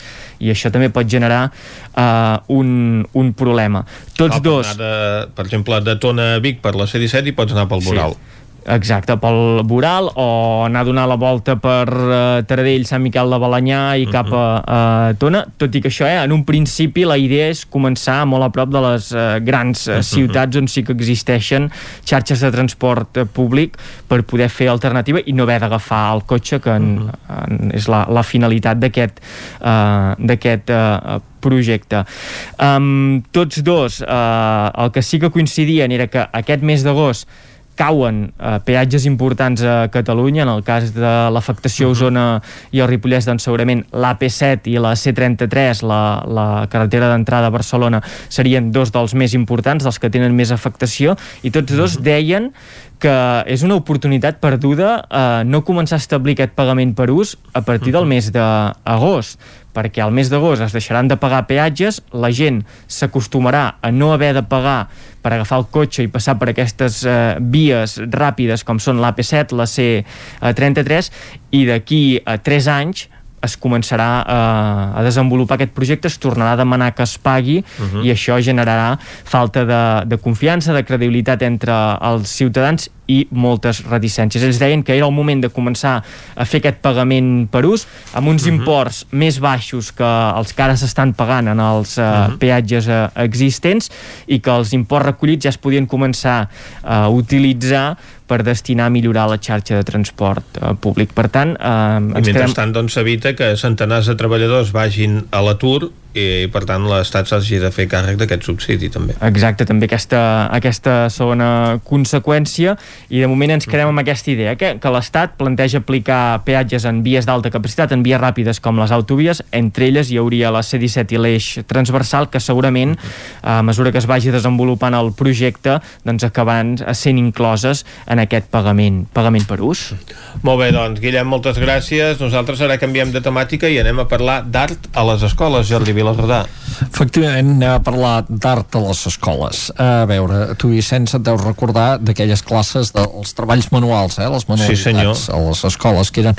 La, la classe, a, més a més, solia ser l'assignatura aquella que, la, de les Maries, eh, que es deien, aquella que va... Exacte. Com la gimnàstica i la religió. Doncs hi ha gent que fa temps que va pensar que s'havia de donar un tom a aquesta, a aquesta idea, a aquest concepte, i que una manera de fer-ho també era que els nens eh, i joves aprenguessin eh, uh -huh. conceptes o treballar amb esquemes relacionats amb l'art contemporani. I això es va posar en marxa a Vic, o sigui, quan es va crear el Centre d'Arts Contemporànies, es va fer, eh, el Centre d'Arts Contemporànies eh, eh, va, va agafar com a, com a emblema un projecte de, un projecte de, de d'intercanvi amb les escoles, per entendre'ns, eh, un projecte en què es treballa des del centre d'art i des de les uh -huh. escoles i instituts amb un, cada any sobre un tema diferent i a les classes es, eh, els alumnes aprenen a treballar amb els criteris amb què es treballa dins el món de l'art contemporani també. Eh, eh, aquest programa es diu Art i Escola, ara complert 10 anys. Eh, les xifres són notables d'èxit que, que ha tingut o sigui, de, durant aquests 10 anys. Hi han passat eh, més de 28.000 alumnes eh, de més de 70 centres educatius eh, i han treballat doncs, eh, amb més de 300 projectes diferents, eh, perquè hi ha molts centres, clar, evidentment, que hi participen en més d'un projecte, eh, la majoria usonencs, però també de comarques properes, perquè això s'ha escampat, i ara, per exemple, en aquesta edició doncs, ja hi ha escoles del Ripollès, hi ha escoles fins i tot del Solsonès, uh -huh. hi ha, eh, en altres vegades doncs, hi ha hagut també escoles del Vallès Oriental, de comarques al voltant que veuen interessant aquesta experiència i, i, i i, eh, i treballen sobre ella Ara, uh -huh. aquest any s'ha treballat sobre el joc, el concepte del joc. Cada any hi ha un tema, eh, ho dèiem, aquest any doncs, s'ha treballat sobre el concepte del joc i aquest any la Covid ha fet que hi hagués una certa reducció de la participació. Aquest any només han set 21 centres educatius quan normalment passen de, de la trentena i ara a partir d'aquest dijous s'exposen els treballs que s'han fet al centre d'art és a dir, que qui vagi al centre d'art a partir de dijous uh -huh. podrà veure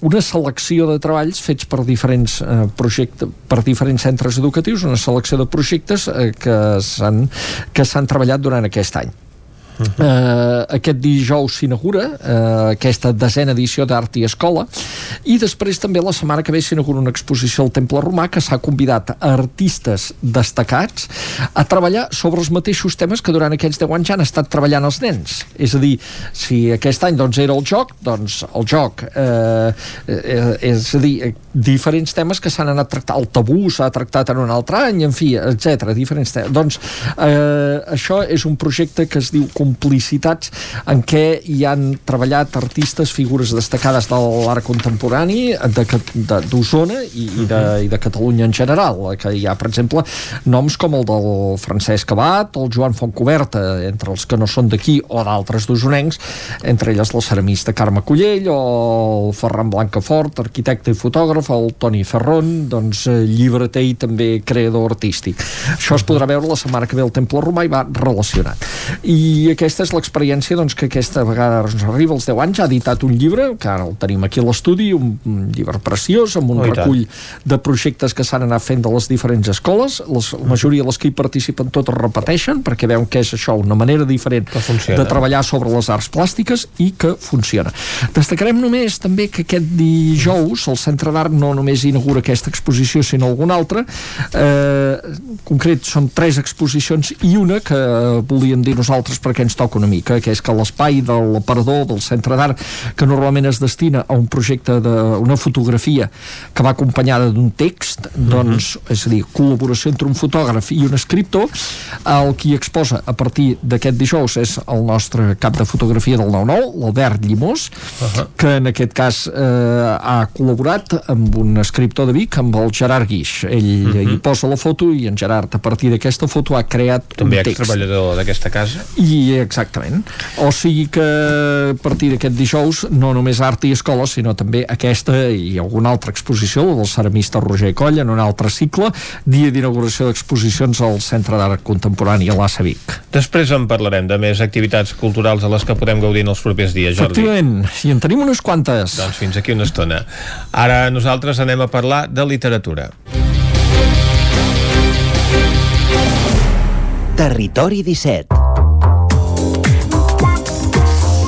Doncs sí, quan passa un minut i mig de tres quarts d'onze del matí és el moment del Lletra Ferits, un Lletra Ferits, Vicenç, que avui anirà cap a la veu de Sant Joan, oi? Doncs sí senyor, perquè a la veu de Sant Joan ens espera el nostre company Isaac Muntades. Bon dia, Isaac. Bon dia, Vicenç, bon dia, Jordi. Bon dia, bon dia. Doncs sí, el nostre convidat d'avui no necessita massa presentació perquè ja sabeu que era un habitual de les tertúlies d'actualitat de primera hora del matí al Territori 17 i la que, i la, que la pandèmia doncs, ens va obligar a cancel·lar i estem parlant d'en Josep Maria Sebastián, que va néixer a Can de Bànol l'any 1956, per tant eh, té 65 anys gairebé fets fa molt poc, i que va estudiar a la Universitat de Barcelona, on durant 3 anys eh, va eh, cursar filosofia.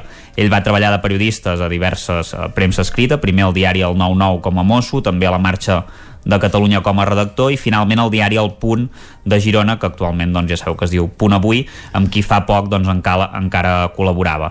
Sebastián anteriorment ja havia publicat la part escrita del llibre de fotografies d'Anna Pons sobre la vida pagès al Pirineu gironí i el llibre de relats curts a peu de camí, però avui parlarem doncs, del seu nou llibre a peu de balcó, postals des d'una finestra oberta. Moltes gràcies per acompanyar-nos avui. Benvingut, Josep Maria. Bon dia. Escolteu la meva veu, però ja no serà mai més. A veure, a veure si ho podem sentir bé, eh, en Josep Se'm Maria. sent? Ara, ara, perfectament. Ara, Ara se'l sent perfectament. Ara. No, no, és que em van operar de la gola Uh -huh. i ja no puc entrar a l'escolania de Montserrat. No, però per un tema d'edat, bàsicament. bueno, es van perdent il·lusions. Comencem pel principi, si et sembla, Josep Maria. No perdis mai aquest sentit de l'humor, eh? Endavant. Aquest llibre és un recull de, de narracions curtes. No sé si em podries dir quantes n'hi ha aproximadament i quant de temps t'ha portat a escriure'l. Uh, a veure, mm, no ho sé quants n'hi han, la veritat és que no ho sé, perquè n'he escrit un cada dia des de que va començar la pandèmia fa més d'un any. Uh -huh. I els he anat penjant al Facebook. I em vaig recollir uns quants i per Sant Jordi doncs, vaig editar eh, aquest llibre que van a ser els primers. Uh -huh que vaig fer, vull dir, i, però, clar, també tinc novel·les i altres coses. Uh -huh. I com se va acudir aquesta idea de publicar coses al Facebook i per què? A veure, la, la pandèmia, eh, si alguna cosa pot tenir que serveixi d'alguna cosa, és que la gent potser es doni compte de la seva fragilitat i de, la, i de que som animals de grup i els necessitem uns als altres. A partir d'aquí vaig pensar en, les meva, en la meva joventut, infància, i tinc la sort de tenir una memòria molt llunyana en el temps, però molt curta en l'actualitat. Jo sóc d'aquells que entra en una habitació i no recorda què he anat a fer, però puc recordar una cosa de fa 40 anys o 50 amb pèls i senyals. Mm. I vaig pensar, aquest espai i lloc és el que en diem memòria compartida amb molta gent i és l'eina per apropar-m'hi i poder compartir alguna reflexió. I si a més, hi pots, a més de l'espai i temps, i pots compartir la reflexió, que és en el fons el que interessa, llavors penso que el treball s'ha aconseguit. Mm -hmm. Això ho ha de dir el lector. Ara parlaves de, de compartir les reflexions, de que ho havia de dir el lector. Què et diu la gent que, que ha llegit el llibre, la gent que ha llegit les teves publicacions al Facebook? Com, com els hi ha arribat? Té, té bona acceptació? Uh, sí, sí, el llibre també ha tingut bona acceptació, sobretot a Can Demànol, perquè uh, uh, tampoc tampoc he pretès anar més enllà, no? És, és una mica un regal als veïns que he anat fent cada dia amb, amb l'habilitat que pugui tenir més destra o menys destra de col·locar paraules per escrit, cosa que era la meva professió. Uh -huh. Per tant, en aquest aspecte, cap mèrit. Uh -huh. Perquè el poble de Camp de Bànol és el pilar central del llibre. Sí, però eh, el que pretenc és que tot i que passi de Bànol, les situacions puguin ser traslladables o reconeixibles a qualsevol altre lloc Uh -huh. És a dir, no hi ha un excés de personalització, uh -huh. sinó d'explicar què representa determinada gent en determinats moments uh -huh. de la nostra vida. Això quan parlo d'algun personatge de Camp de Bànol. Uh -huh. Uh -huh. Però això no seria un llibre de localismes, diguem. No, no, no, no, no. Jo, jo fujo del localisme. Eh, ho intento, no sé si ho aconsegueixo. A veure, el localisme, per exemple, posem-nos a Andalusia. A Andalusia hi ha molt localisme, però al mateix temps hi ha un poeta tan universal com en García Lorca que només va escriure d'Andalusia. Mm -hmm. És a dir, va universalitzar Andalusia no va fer localisme. I una altra cosa de la que fujo tant com puc és de l'accés d'academicisme, d'academicisme. Vull dir, l'academicisme en excés eh, pot arribar a ser ridícul. Eh, només cal recordar aquelles veus del modo. Eh, allò era un castellà tan pulcre i tan elaborat que ningú el parlava al carrer. Era tot excepte popular. Uh -huh i, i per tant la que no m'interessa en absolut ni els tribunals ni les tribunes tot i que hagis fugit dels localismes, eh, sí que es parla de, de Can Demànol sí. en certs moments. Eh, no sé si ens en pots explicar alguna història que, que hi apareix així breument que, que t'hagi interessat. Bé, hi ha una part que parlo de que a vegades als pobles hi ha genis amagats hi ha gent que, que té unes habilitats extraordinàries i passen desapercebuts ni han tingut l'ambició per eh, desenvolupar-les més enllà del seu poble. I vaig recordar el cas d'en Silvino Rius, que surt al llibre, que era un home que es cuidava de l'aigua, de Can Bànol, i tenia un taller, un petit taller on feia treballs, sempre hi treballava, li agradava. Doncs bé, aquest senyor, recordo els anys 60, quan encara hi havia molt pocs cotxes, uns alemans que anaven a la costa van tenir pana a Can Bànol i van espatllar una peça original que es havia d'enviar a buscar a la casa Mercedes i tot el que val, i els enginyers de la Mercedes, etc. Aquest senyor els hi va fer. Els hi va fer i el cotxe va marxar. Jo em pregunto que aquells alemans devien estar molt temps demanant-se com a Can Davano podien trobar un tio que estava a l'alçada dels enginyers de la Mercedes. Com, aquest és un exemple. I, i n'hi ha algun altre d'aquests eh, personatges del llibre que els hi tinguis doncs, això, algun efecte especial? Sí, hi ha un home que és mort, es deia Liceu, Mir, i era l'home que anava a tots els aplecs, totes les excursions, a totes les trobades, sopars, era tot arreu, i sempre feia riure, amb números de màgia, amb representació d'acudits, però en sabia molt, en sabia molt.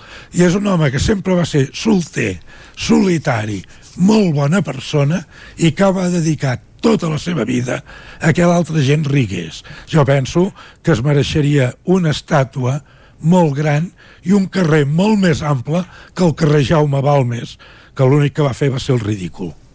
I jo et volia preguntar també, en el llibre també hi apareixen ubicacions, no sé, ara estic pensant en el cinema, per exemple, que també en parles, o, o d'algun Sí. tipus d'aquí, no sé si n'hi ha alguna que voldries destacar. És que el cinema, en la meva edat, eh, va ser molt important pels de la meva generació.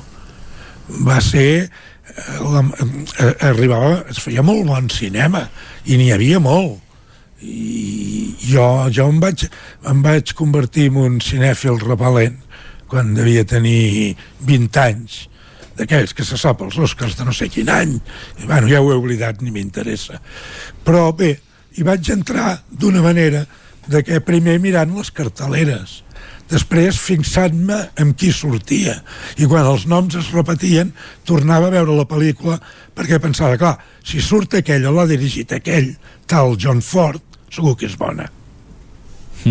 I així es vaig anar i entrant. I a més a més el llibre està ple de reflexions personals també, que això també Home, ens n'hem adonat compte. la reflexió personal penso que ha d'estar continguda no en aquest llibre, en qualsevol llibre, a no ser que sigui un manual de bricolage o una recepta eh, d'aquestes que publiquen els advocats de les grans laboratoris però qualsevol llibre que vulgui comunicar-se més enllà d'unes dades molt concretes eh, ha de ser amb reflexions personals no hi ha altra manera Hi ha una mica d'autobiografia en algun sentit? També. home, sí però en què jo no en soc jo, o sigui, el protagonista no sóc jo és el meu temps Mhm. Compte, el temps que em va tocar viure Mhm. I ara perquè els nostres oients sàpiguen de, de què parlem, no sé si ens podries llegir un fragment del llibre, Sí. perquè són capítols molt curts, eh, Josep sí, Maria? Sí, sí, sí, sí. El millor és no cansar-lo. Es titula Els feliços 60. I fa... Vaig néixer l'any 1956, quan Europa era en plena recuperació i tot anava cap amunt. Fill de treballadors que havien patit una guerra i fam. Vaig ser el primer de la família que va trepitjar la universitat, testimoni de la construcció d'una casa nova i de l'adquisició del primer cotxe i televisor. El franquisme s'hi adaptava. Van ser anys del plan de desarrollo, de posar la passeta on li corresponia, més avall del terra, de l'impuls del turisme, malgrat que comportés la destrucció del territori i dels 25 anys de pau als cementiris. A canvi de continuar amb la seva dictadura assassina, Franco va permetre que els Estats Units posessin bases militars on li va semblar. Van voler fer creure a tothom que vivíem en el millor món possible i van continuar amb aquesta mentida fins fa quatre dies. I encara alguns ho intenten, que el creixement econòmic no tenia límit ni aturador. Ara, un microbi ha vingut a recordar-nos com en som de vulnerables. Tot té un aire de tornar cap enrere. Ha baixat la contaminació. Hi ha signes a Venècia. Cau en picat el valor del petroli i augmenta el dels horticultors. El confinament posa en evidència que el que semblava fonamental ja no ho és tant.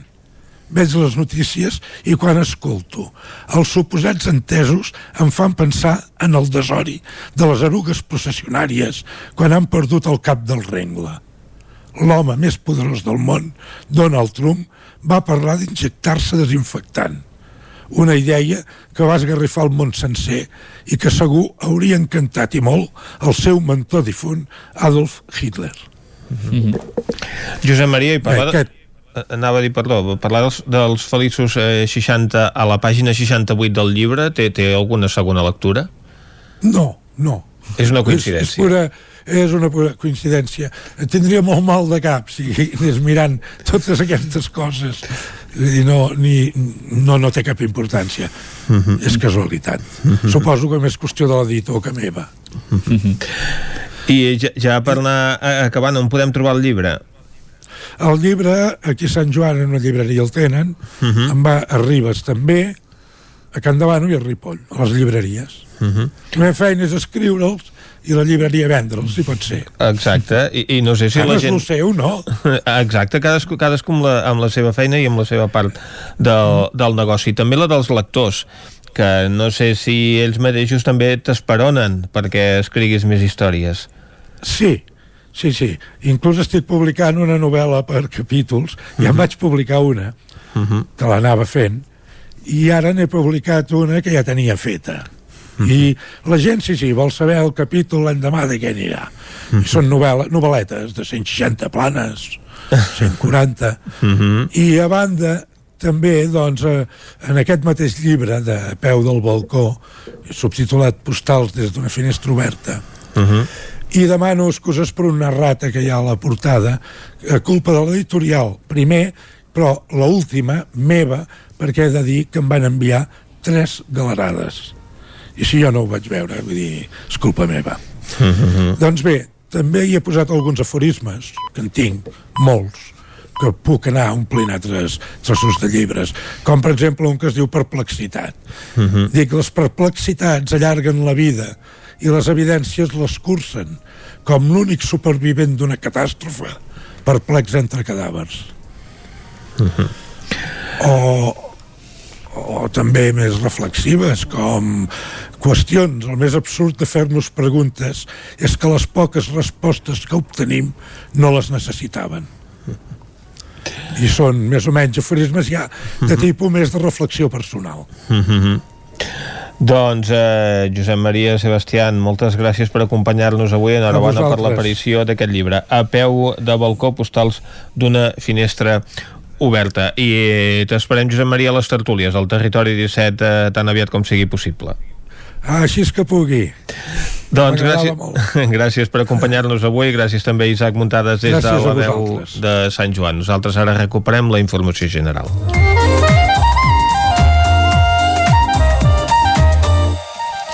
Són les 11 i un minut i en aquest punt abandonem la literatura i us acostem de nou l'actualitat de les nostres comarques, les comarques del Ripollès, Osona, el Moianès i el Vallès Oriental. Territori 17, amb Vicenç Vigues i Jordi Sunyer.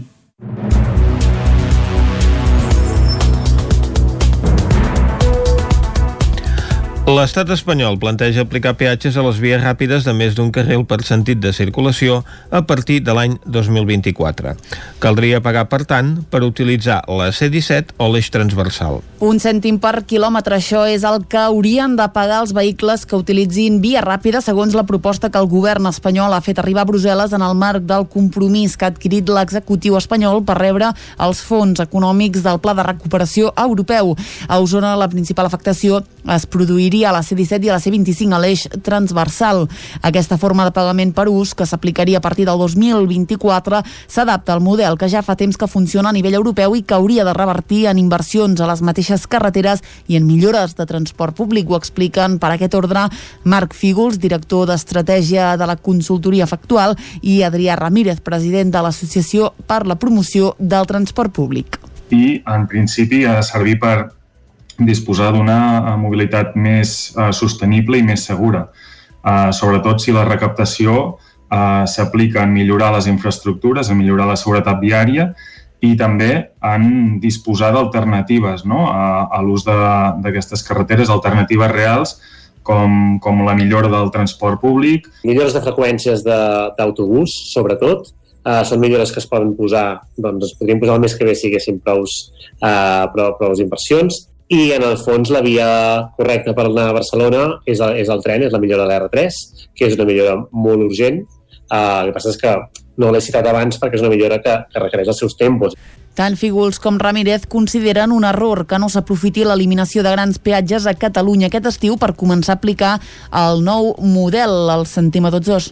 Entremig doncs, ens quedarà un, un temps, un, un espai temporal molt important en, en què no hi haurà cap model i això farà que als usuaris doncs, eh, els hi costi aquesta, aquesta adaptació, no? De, no, de, de passar a pagar a zero a pagar per totes les eh, autopistes i autovies del, del territori. Quan plantegem doncs, el que seria una nova taxa o un nou impost, també es vegi clarament per què serveix. I no veiem només la part que paguem, sinó que veiem la part de per què serveixen aquests diners i veiem clarament que serveix per un efecte positiu, com pot ser tenir noves opcions de, de mobilitat sostenible. La informació sobre la proposta de l'estat espanyol està apareixent en comptagotes. El peatge per l'ús de via ràpida s'aplicaria progressivament i primer s'establiria en zones properes a grans ciutats. Un total de 5 funcionaris a la presó de Quatre Camins a la Roca del Vallès van haver de ser atesos aquest dissabte per inhalació de fum, després de dues intervencions en què van aconseguir salvar la vida de dos interns que havien calat foc a les seves cel·les. David Auladell, de Ràdio Televisió, Cardedeu. Els interns, a més, volien atacar i segrestar algun funcionari. Segons el sindicat CECIF, van fallar alguns dels equipaments antiincendis, però fons penitenciàries diuen que tot va funcionar correctament excepte unes mànegues d'aigua. En el primer incident, a mig matí, l'intern va provocar un incendi a la seva cel·la, amb l'objectiu de treure els treballadors i intentar segrestar-ne un. Per això es va resistir amb agressivitat a ser desallotjat. Els funcionaris equipats amb equips de respiració autònoma van aconseguir rescatar-lo i l'eix de la cel·la i van extingir l'incendi. Segons el sindicat, en el reconeixement mèdic que se li va practicar un cop fora, per descartar possibles lesions, es va descobrir que portava un punxó de fabricació casolana de 30 centímetres amagat a la roba i va admetre que el portava amb la intenció de fer-lo servir per retenir i punxar algun funcionari. Va mantenir una actitud violenta i amenaçava de mort els treballadors. Quatre d'ells van haver de ser traslladats en ambulància a l'hospital i un d'ells seguia amb clars símptomes d'intoxicació pel fum 24 hores després dels fets. En el segon incident, només unes hores més tard, un altre intern del mateix departament també va calar foc a la seva cel·la. Un dels treballadors que van intervenir per treure l'intern i extingir l'incendi va haver de ser atès a l'hospital per inhalació de fum. L'intern va resultar il·lès. CECIF assegura que els funcionaris van apagar el foc sense els equips de protecció adequats, ja que s'havien fet servir per sufocar l'incendi anterior.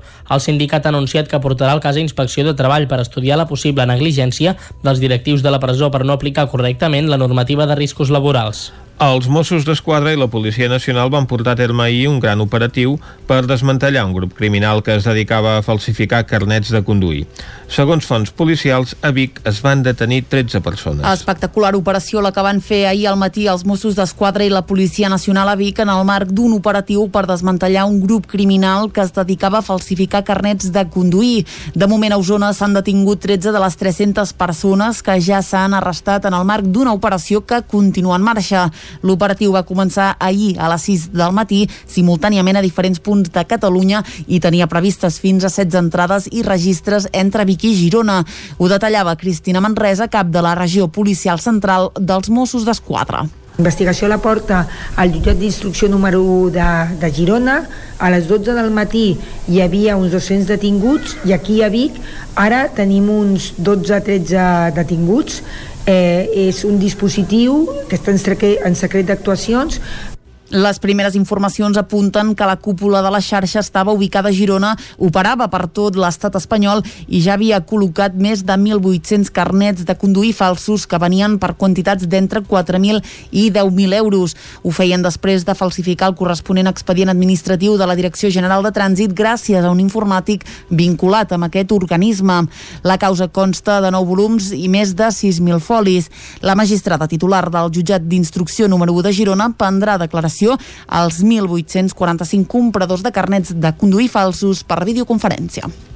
Republicana de Can Davant l'aplaudeix que després de més d'un any s'abordi amb seriositat i rigor la lluita contra la Covid-19 al municipi. Isaac Muntades, des de la veu de Sant Joan. L'Ajuntament de Can Davant va aprovar per unanimitat la creació d'una comissió informativa específica sobre la reactivació econòmica i d'ajudes socials per la lluita contra la pandèmia de la Covid-19. L'alcaldessa de Junts per Can Davant, Dolors Costa, va dir que els efectes de la crisi sanitària també han tingut un impacte negatiu en l'àmbit econòmic, social i polític, un fet que ha provocat una reducció d'ingressos important en sectors com el turisme i la restauració. Aquí ja se'ls va atorgar una sèrie d'ajudes per pal·liar aquests efectes. Costa va recordar que s'havien reunit amb l'oposició per tal de tirar endavant aquestes propostes i que s'ha decidit constituir-la sense perjudici que ja ja s'hagin fet trobades prèvies sobre aquests temes. La comissió estarà formada per dos representants de Junts per Camp de Bànol, entre els quals hi haurà l'alcaldessa, un membre d'Esquerra Republicana de Catalunya i un de la CUP. El portaveu republicà, Toni Riera, va expressar el seu suport a la creació de la comissió, però amb un incís. Sempre hem estat els primers en reclamar de que s'activessin. Ara ens alegrem que després de dos anys de mandat es comencen a abordar aquests temes amb serietat i rigor. De totes maneres, sí, de que nosaltres ja vàrem aportar inicialment en aquestes primeres reunions que hem tingut, que, que seria un bo, un bé i un bo per tothom, de que s'abordés el tema de personal, més aviat de persones que d'empreses. D'empreses, evidentment, de que de que ja se n'han aportat d'ajudes i s'han donat ajudes i ho apoyem i, i estem a sobre, no? que se'n tornin a donar, però més aviat a les persones en concret, de que aquest cop sigués una ajuda real a les persones que han patit més aquesta precarietat i mancances en aquest uh, efecte de la Covid-19. El regidor de Serveis Econòmics, Lluís López, va donar-li la rèplica. Tots els temes que tot l'equip de govern aborda es fan dins de la serietat, del rigor i fins i tot de vegades amb sentit de l'humor. És a dir, que a vosaltres us ha convidat a totes les, les comissions, ja n'hi ha de creades. De fet, sobre aquest tema n'hem fet dos, en concret, les mesures per incentivar el Pla Econòmic contra la Covid i el que fem ara és oficialitzar-les i en breu pues, convocar-vos per fer una sessió que, evidentment, el que hem de fer aquí és consensuar propostes, que aquestes propostes siguin factibles, que puguin ser realitzables per aquest Ajuntament i no s'interponguen amb, amb, o, o, no, o no se solapin amb altres departaments, com podria ser eh, serveis socials, i evidentment que siguin assumibles, assumibles també pel personal tècnic de l'Ajuntament, que, que són els que hauran de donar forma a les idees o a les aportacions que els grups municipals doncs, puguem, puguem aportar. Riera va insistint que s'havia anat tard, però que aplaudien que la comissió comencés a caminar. En el marc de la Setmana Europea de la Prevenció de residus, aquest diumenge es va celebrar a Santa Eulàlia de Riu Primer el Let's Clean Europe, una jornada de recollida de residus. La trentena de persones que hi van participar van recollir més de 20 quilos de deixalles. Una xerrada de, del tècnic forestal Frederic Búscara el va donar el tret de sortir de la jornada de recollida de residus que diumenge es va fer a Santa Eulàlia de Riu Primer, una acció que sota el paraigua del Let's Clean Europe aquesta setmana, aquest cap de setmana es va celebrar a municipis de tota Europa amb l'objectiu de conscienciar sobre la quantitat de residus que es llencen de forma incontrolada a l'entorn natural. Xevi Rovira és l'alcalde de Santa Eulàlia de Riu Primer. Ja, ja, ja el tenim com a pres, ja hi havia una certa tradició doncs, de cada mes, abans de que esclatés la, la pandèmia l'any passat, doncs, de quedar un cop al mes amb totes aquestes famílies que van a l'escola, que tenen canalla aquí al poble per recollir aquestes escombraries i tenir un poble més net i conscienciar doncs, de la importància d'això i del medi ambient. I ara, doncs, evidentment, amb, amb altres municipis de la Mancomunitat La Plana doncs, ens hem afegit amb aquest European Clean Up Day i tenim més de 30 persones inscrites avui. A les 11 del matí de diumenge, els participants es van equipar amb bosses i guants per dirigir-se a la zona del riu. Segons l'alcalde, accions com la de diumenge s'han d'aprofitar per conscienciar sobretot els més petits. Home, és, és molt important que, que la canalla ja pugin amb aquests valors no? de sostenibilitat, de, de tenir cura del, del medi ambient, per intentar doncs, deixar un planeta una mica més, més bo, millor del, del que l'hem trobat, no? que ja l'hem trobat doncs, força contaminat i força malmès i petites accions d'aquestes tot suma i sobretot que, que això, que els, que els petits, les noves generacions doncs ho tinguin molt, molt present. En total es van recollir 20 quilos i mig de brossa a la llera del riu. La jornada va finalitzar amb un refrigeri i jocs de fusta sostenibles. La rotonda d'entrada a Sant Feliu de Codines lluirà a partir d'ara l'escultura d'un rellotge monumental. Caral Campàs, des d'Ona Codinenca. En motiu i commemoració de la 25a Fira del Rellotge, aquest proper diumenge a les 12 del migdia s'inaugurarà a la rotonda de Sant Feliu un rellotge de ferro amb les lletres del nom del poble a la part inferior. L'acte comptarà amb la presència de l'alcaldessa Mercè Serratacó i diversos membres del consistori i de l'Associació Fira del Rellotge de Catalunya. Aquest acte es farà de forma simbòlica per la suspensió de la fira a causa de les restriccions derivades de la Covid i s'havia reprogramat per aquest mes de maig, però al final no es podrà realitzar. Daniel Fonoll és regidor de festes. Aleshores es va decidir primer fer-ho l'octubre i després es va posposar ja perquè l'octubre encara tampoc estava tot per, com per fer fires ni res de tot això. La intenció del consistori és celebrar oficialment la 25a edició de la Fira del Rellotge de Catalunya el pròxim 12 de setembre. A partir de llavors es submetrà a decisió popular la permanència de l'escultura en aquell espai. A principi d'aquest any vam estar parlant, ja hi havia la proposta per part de Fira del Rellotge de posar aquest rellotge commemoratiu a la, a la rotonda de l'entrada del poble, ens vam comprometre que sí, que el deixaríem posar. Després, eh, la idea és posar-ho a consulta popular a veure si li agrada a tothom. Si li agrada a tothom, s'hi quedarà. Si la majoria de la gent diu que no, se li buscarà un lloc eh, suficientment bo per poder-ho tenir i que tothom el pugui veure Eh? Llavors, eh, això és el que es produirà aquest cap de setmana. Posteriorment a la inauguració, a la una del migdia es presentarà la segona part del llibre Memòria de la Fira a la sala de plens de l'Ajuntament. Paral·lelament, durant tot el cap de setmana, a la plaça Josep Humbert s'acollirà l'exposició record amb fotografies de totes les fires del rellotge celebrades fins a dia d'avui. I fins aquí el butlletí informatiu de les 11 del matí que us hem ofert amb les veus de Vicenç Vigues, Clàudia Dinarès, David Auladell, Caral Campàs i Isaac Muntades. Ara farem una breu pausa i de seguida tornem amb el Territori Sostenible amb Jordi Givert. Territori 17. Envia'ns les teves notes de veu per WhatsApp al 646 079 023. 646 079 023. WhatsApp Territori 17.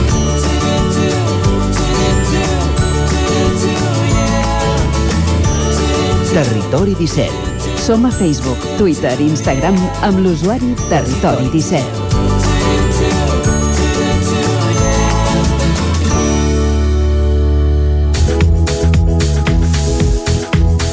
Vicenç, va, abans d'anar al territori sostenible d'avui, què es cou a la tardor eh, a Orís?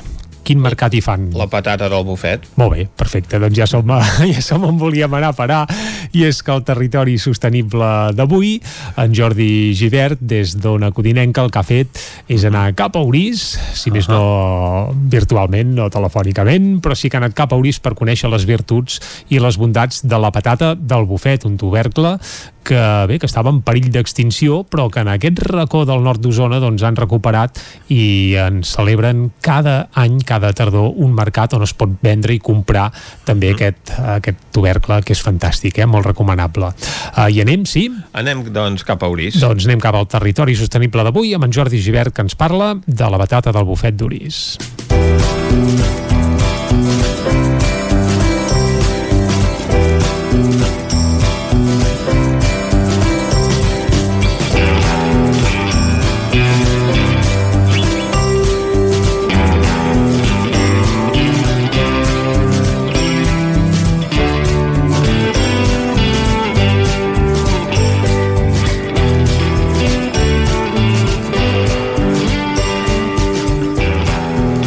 Benvinguts a una altra edició del Territori Sostenible. Avui ens acostarem fins a Orís per parlar de la patata del bufet, una patata autòctona que es va recuperar ara ja fa 20 anys i que Orís celebren un mercat cada tardor. Avui volem conèixer de primera mà quines són les propietats d'aquesta patata i què la fan tan especial. Tenim amb nosaltres en Jaume Toneu, un dels productors, un pagès que cultiva i que ha recuperat aquesta patata del bufet. Hola Jaume, bon dia. Bon dia. Uh, Jaume, uh, posa'ns una mica uh, en situació. Uh, a Orís ja, ja fa uns quants anys que veu recuperar i intentar posar en valor uh, aquesta patata en concret, no? Sí, aquest any farà 27 anys ja, fa 25, aquest any farà 27, que va néixer una mica així per casualitat, quan encara no estava, ara sí, hi ha moltes fires d'això, d'allò, però en aquests moments no hi era, no. I aquí hi havia un restaurant aquí a Orís, coneixem tal un tal Josep Palau, que jo, jo el conec, és un gastrònom bastant famós, i es va animar a pagesos a tornar a plantar una patata que ja havíem deixat de plantar, uh -huh. perquè és una patata que rendeix molt poc, està poc valorada pels, pels intermediaris i el mercat, perquè és una patata lleixa, mal feta, i, però clar, té un, una cosa molt gran que és, que és molt bona. I es va animar a tornar a fer, vam començar amb una mica escepticisme, perquè pensava que el mercat de la patata, perquè hem, sempre hem procurat que sigui un mercat de la patata, del bufet, i és clar, des d'aleshores que hem anat arribant fins avui, sí. Uh, la patata aquesta que, que ens explicaves uh, té el nom de patata de, del bufet. És com la, es coneix aquí a Osona i en altres llocs se l'anomena diferent o, o ja uh, és que és molt local, diguem-ne? Bueno, generalment eh, és la patata del bufet a, a tot Catalunya se'l coneix com la patata mm. del bufet eh? el que passa bueno, una patata que és originària segurament de la Bretanya francesa perquè la Bretanya francesa hi ha una que és molt similar que és la Bretanya, el passa que aquesta la bufeta està adaptada aquí al país, un mm. més sec i, i més calent. I aquesta patata, sí, hi ha llocs de Catalunya que en diuen, perquè hi ha una varietat de bufet, que és la morada, que en diem negra, mm -hmm. i hi ha sotes com la zona d'Olot, que en diuen la patata mora, per exemple, però bé, és bufet tot. Mm -hmm. Però té una característica que és que té uns ulls molt fondos i de color rosa, i això és una característica molt pròpia. Mm, val. Uh, anava a preguntar quina, quin, quina, a l'hora de cuinar aquesta patata com, com queda millor? O sigui, és una patata més bona per fregir, per bullir uh, quina, quines propietats o amb què, amb què caça millor, diguéssim? Bé, és una patata de tot terreny, si en podíem de tot terreny. I, i per exemple, doncs clar, el seu pur és una patata ideal, perfecta, per la forma que és que és cremosa, per fer cremes, per fer purés, perquè és una patata inclús molts cuiners diuen que a l'hora de fer un puré o una parmentia d'aquestes famoses, vull dir que no fa falta ni afegir crema de llet ni res, perquè és tan cremosa que per ella sola ja és suficient. Però també, per exemple, feta fregida així també és molt bona perquè és que té un, un sabor, potser no queda tan rígida com les altres, més tubeta, però té un gust molt, molt bo. I per tant, es pot fer servir per tot. És una patata que la serveix per tot. Clar, uh, tu ets un de, dels pagesos d'aquí Uris que, que en cultives, no sé uh, aquí al, al poble o a la comarca d'Osona quan, quanta quantitat de, de patata del bufeta es produeix a l'any? Va, se'n produeix molt poca, molt poca, vull dir, perquè com t'he dit abans, el rol d'aquest mercat va ser precisament de que ressuscitar aquesta patata. Ressuscitar el que vol dir que tu has de fer la venda directa per anar bé, perquè si no, malament, saps què vull dir? Tu, nosaltres, que, que a més ens agrada, perquè per certa manera donem la cara pel producte i tenim una relació amb el client directe i així perquè elimines intermediaris, és l'única manera que aquesta patata, que és una patata que produeix molt poc, que és molt delicada i per tant té un cost de producció més alt i, i que no te la volen suficientment al mercat. Si és un intermediari per haver una gran superfície així, lògicament no surt a compte i per això la gent plantava altres varietats. És clar que la comarca parla d'algun gent que té una sèrie de clients o ben directe. Ben directe és l'única manera que sobrevisqui aquesta patata aquí a la comarca. I, i els restaurants, ens comentaves que de fet a, a, en un restaurant d'aquí a Uris és, és on també es va començar a, a voler recuperar-la. Uh, us la venen a buscar, uh, cuiners, diguem-ne? Sí, sí, sí, vull dir, els cuiners també són clients nostres, eh, de forma directa o indirecta, i, i ja està, vull dir, el que passa és, clar, és una patata molt també de temporada, eh, la patata del bufet, no cal oblidar-ho. Però vull dir, aquí durant la temporada de la patata, sí, els restaurants solen fer plats amb patata del bufet, sí. De fet, et anava, et anava a preguntar sobre els temps, o sigui, quan, quan la colliu? És una patata més tardana? Eh, M'ha semblat llegir en, en alguna banda? Sí, és una, mica, una miqueta més tardana. Aquesta la collim nosaltres pel setembre. És una patata que té un cicle més llarg, de, la vam plantar a finals de març i fins al setembre la collim, mentre que altres varietats tenen un creixement més ràpid i per tant arriba hi ha algunes patates que te permet fer de dues collides a l'any, però en el cas del bufet és impossible, perquè és massa llarg, un cicle massa llarg. No. També eh, et volíem preguntar pròpiament per, per la fira, no sé si amb la pandèmia pel mig eh, aquest any passat la veu poder celebrar, però eh, aquest any la, la recuperareu? Nostra intenció. Bueno, aquest any passat vam fer els dos primers diumenges, perquè ja es havia relaxat una mica tota la situació, van totes les mesures, tot, però, pues, clar, hi havia suprimit moltes coses, no? Però, bueno, segon, el segon diumenge ja vam plegar, perquè es va fer una mica com un confinament, que va a mitjans d'octubre, que ja no, no es permetien aquest tipus d'activitats. Vull dir, el mercat és molt interessant per nosaltres també, perquè també és una forma de donar a conèixer un poble, Orís, que és un poble petit, i, uh -huh. i gràcies al mercat és conegut a tot Catalunya, perquè ve gent de tot arreu. Sí. I, i quines dates el, el feu al, al mercat? El solen fer sempre el diumenge al matí, el mes d'octubre, tots els diumenges al matí, de, de 9 a 2. Uh -huh. Aquí, precisament, el restaurant néixer aquesta idea, que és el restaurant La Rectoria, que és, eh, està sota del castell, que aquí a Orís, hi ha un castell antic. Sí, molt maco, el- per cert. Sí, doncs allà hi ha uns jardins i allà sota fem un ambient absolutament rural. Vull dir, fem un, un, un mercat en què la gent, a més, ja els pagesos també ofereixen altres productes de, de l'horta i així, si en tenen, i, però la patata és la reina, no? Però vull dir, això, hi activitats culturals també al voltant i allà ho fem durant aquests matins. És un mercat petitet perquè hem volgut especialitzar-nos molt en la patata, no volem que siguin aquells mercats tot menys un producte que, que realment dona no a la fira, no? Aquí volem que sigui la patata del bufet i ja està. Vull dir, I llavors, eh, clar, abans ens comentaven que- que hi havia eh, zones, per exemple, de la Garrotxa que, que hi havia varietats d'aquesta patata eh, eh, més fosca, diguéssim, em sembla roja. Eh, també venen en el mercat o sou estrictament els, els productors no. locals? no, som d'aquí dels locals i prou, d'aquesta zona i prou. Molt bé. Uh, és que també és això, eh, t'ho dic, eh, inclús aquí al propi poble, vull dir, més aviat eh, anem a menys cada vegada els que més, em, els que en portem, no?, perquè és una cosa que també el que passa a Pagès, el el relleu generacional no existeix, i és, una, és un producte que encara no està prou mecanitzat, per dir-ho així, saps? I, i és clar, i això fa que la gent eh, Sí, que, no, que costi de, de mantenir la, la tradició de plantar-la i de, i de collir-la. Exacte, sí, sí. Uh, et anava a preguntar, per acabar, uh, ens pots dir com t'agrada, una recepta que t'agradi tu amb, amb aquesta patata del bufet, que ens facis obrir una mica la gana.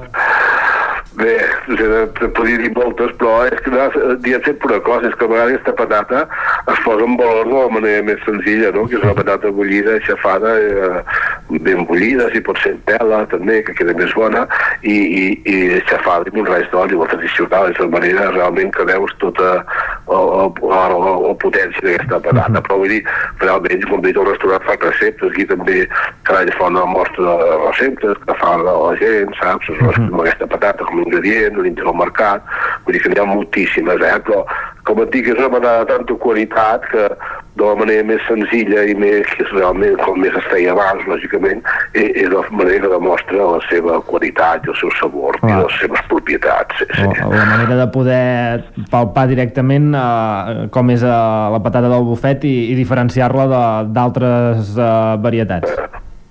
Home, és que dic això, això és característica és una patata molt cremosa, molt saborosa i, i això li dona no sé, nosaltres veiem pels clients que faig que venir, que venen al mercat i al principi els primers anys trobàvem una cosa curiosa que, que era una patata que havia desaparegut pràcticament, però no es havia oblidat, saps? Ja venia molta gent, sobretot de Barcelona, però també gent d'aquí, ostres, el, el, tenim el record d'aquesta patata de la seva infantesa i de quan eren joves i que, la mare anava a comprar al mercat i tot això, no? Vull dir, I això també té un- una part sentimental, però esclar, com te dic, farà 27 anys que ho fem, vull dir, que siguis un mercat sobre aquesta patata, si la patata no fos bona, lògicament no hauríem pas arribat a 27 anys de mercat, eh?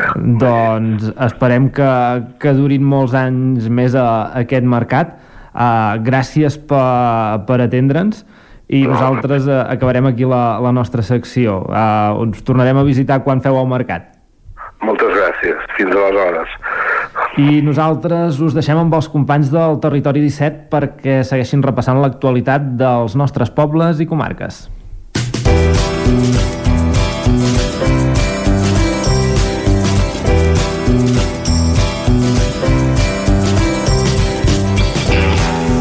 Doncs fins aquí el territori 17 de... Vaja, el territori, territori sostenible, el sostenible, sí, el territori 17, encara fins a les 12 serem aquí fent-vos companyia. ara, ara. És que això de la patata del bufet ens fa venir ja salivera, ja se'ns acosta al migdia i ja notem que, que hi comença a haver gana. Esperarem a la tardor, que va. es faci el mercat de la patata del bufet. Exacte, i evidentment us en parlarem aquí a Territori 17, com sempre. Ara per això el que ens toca és fer una pausa. Tornem a dos quarts en punt. El nou FM. El nou FM. Can Xalant, moda i complements. Nova temporada primavera-estiu. Moda home-dona, nen-nena, sabates, bosses de mà, maletes, complements i molt més. Vine a veure, ens trobaràs una secció d'ofertes amb roba de la temporada passada a 10 euros i 19 euros. Vine a Can Xalant, ens trobaràs al carrer Sant Tomàs número 6 de Call d'Atenes. També a Instagram i Facebook.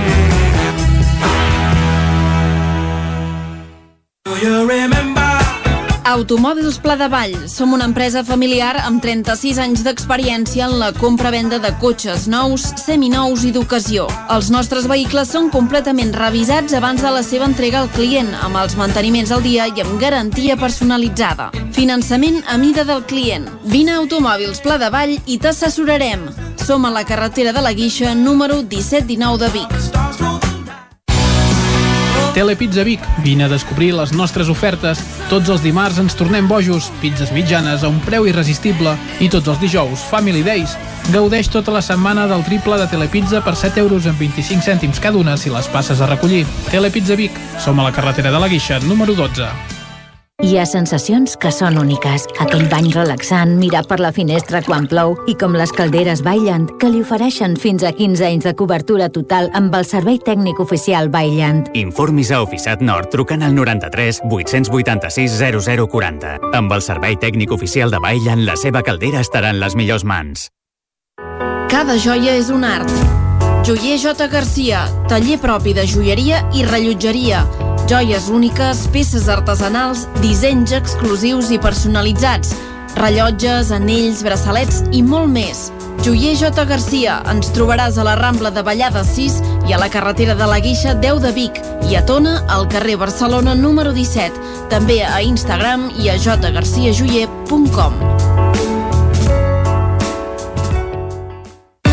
A Corretja tenim tot el que necessites per la teva llar. Tot tipus de paviments i revestiments, sistemes d'aïllament, cobertes, parquets, aixetes, ferreteria, pintures, fixació i cargoleria, vestuari i material de seguretat. Disposem de més de 3.500 metres quadrats d'exposició amb una nova zona exterior d'aïllaments. A Corretja som especialistes en cuines i banys. Us assessorem, dissenyem i realitzem el projecte des de l'inici fins a la fi del muntatge. 100% cuines, 100% banys. Al carrer Mas Vigues 8 de Vic, a corretja-sl.com o a Instagram. 100% materials per la construcció i la decoració. 100% corretja. El nou FM. La ràdio de casa al 92.8.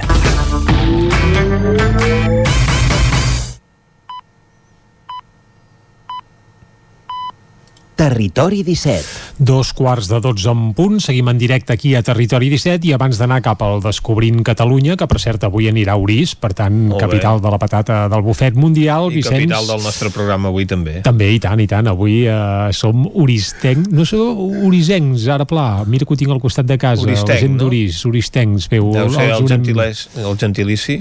Uh, bé, ho haurem d'estudiar.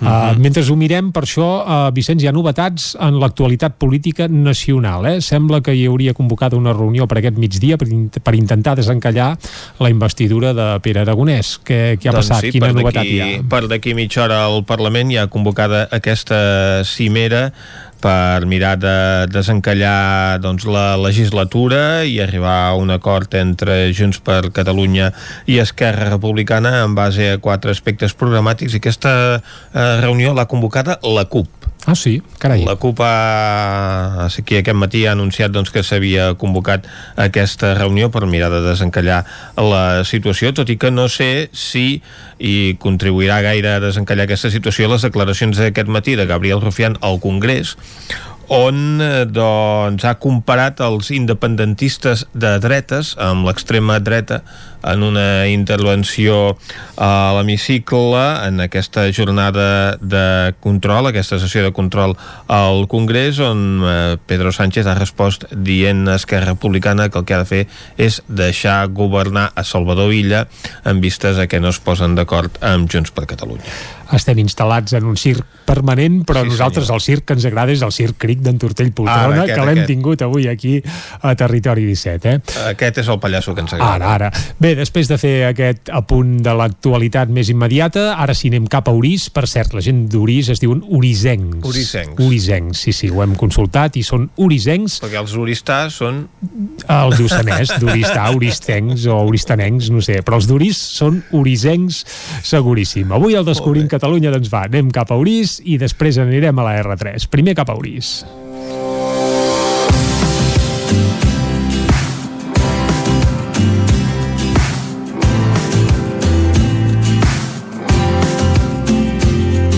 El terme d'Uris ocupa el sector septentrional de la plana de Vic. El Ter drena les terres del municipi pel sector de Llevant i en part forma límit natural amb les de Sant Vicenç de Torelló i Torelló. El municipi d'Uris està comprès amb cinc nuclis disseminats on hi viuen els 240 habitants que en l'actualitat té el poble i que són la parròquia de Sant Genís, Can Branques, el Pelut, Saderna i la Mambla hi ha un fet que uneix tots els nuclis del municipi d'Urís i n'és l'activitat agrícola ramadera que es desenvolupa arreu del municipi, sent el mitjà de vida de la majoria dels orisencs. El castell d'Urís és de tots els pics de l'entorn el més original i d'inconfusible forma. La panoràmica que es veu des del castell justifica el petit esforç de l'ascensió. A desgrat de trobar-se tant ossegades i malmeses, les runes del castell d'Urís, situades estratègicament a frec de la cinglera del seu retallat penyal, permeten encara de llegir velles estructures i són un ampli camp per la imaginació. En les seves despulles hi ressalten almenys quatre èpoques ben diferenciades de construcció. A l'angle de ponent migdia s'hi veuen restes de parets i la planta de la capella de Sant Pere, d'època romànica i probablement del segle XII. I a llevant, emprat per un mur de gòtic tardà, hi ha una gran cambra enmig subterrada de volta apuntada de tipus gòtic primitiu i el mur més alt i ben conservat de la banda de Tramuntana mostra diverses èpoques de construcció que s'estenen del segle XV al segle XVII. El conjunt de les runes mostra una grandiositat que corprèn encara enmig de la postració present. D'altra banda, el Pla del Castell és una mirada superba de tota la comarca. La Mambla és una colònia industrial construïda a finals del segle passat, que va arribar en la seva millor època a tenir uns 200 habitants. A l'actualitat, l'antiga fàbrica de la Mambla hi ha instal·lada una factoria que es dedica a la fabricació de cons i tubs de plàstic destinats a la indústria tèxtil. La Mambla també disposa d'una capella, la Mare de Déu de Gràcia, amb un petit cementiri. Actualment tant la capella com el cementiri estan tancats. I coneixem també la colònia El Pelut, una colònia tèxtil de filats de cotó. Les seves principals característiques i la petita història dels anys de la seva renovació van estretament lligades al pensament i societat modernistes. La colònia està formada per la fàbrica, una fonda amb nou cases per banda pels treballadors i quatre cases pels dirigents, uns jardins magnífics i una petita capella. Actualment la colònia està completament deshabitada, sent els propietaris la família Invern. A la fàbrica encara s'hi conserva l'activitat industrial. L'església de Sant Genís d'Urís està situada a una altitud de 700 metres en el llom dels Carenars després del massís dels Munts, a l'extrem nord de la comarca d'Osona. De l'església parroquial de Sant Genís d'Urís hi ha notícies del 943. La primitiva parròquia es troba en el Puig de Serradet, que s'aixeca darrere la casa de Can Marçal, entre aquesta i la casa en runes de Can Jep. Ara, a part del mur de contenció de la banda de Ponent i unes escasses restes de parets a tramuntana, no hi ha altres romanalles de construcció en aquest lloc per haver-se aprofitat les pedres en edificacions posteriors.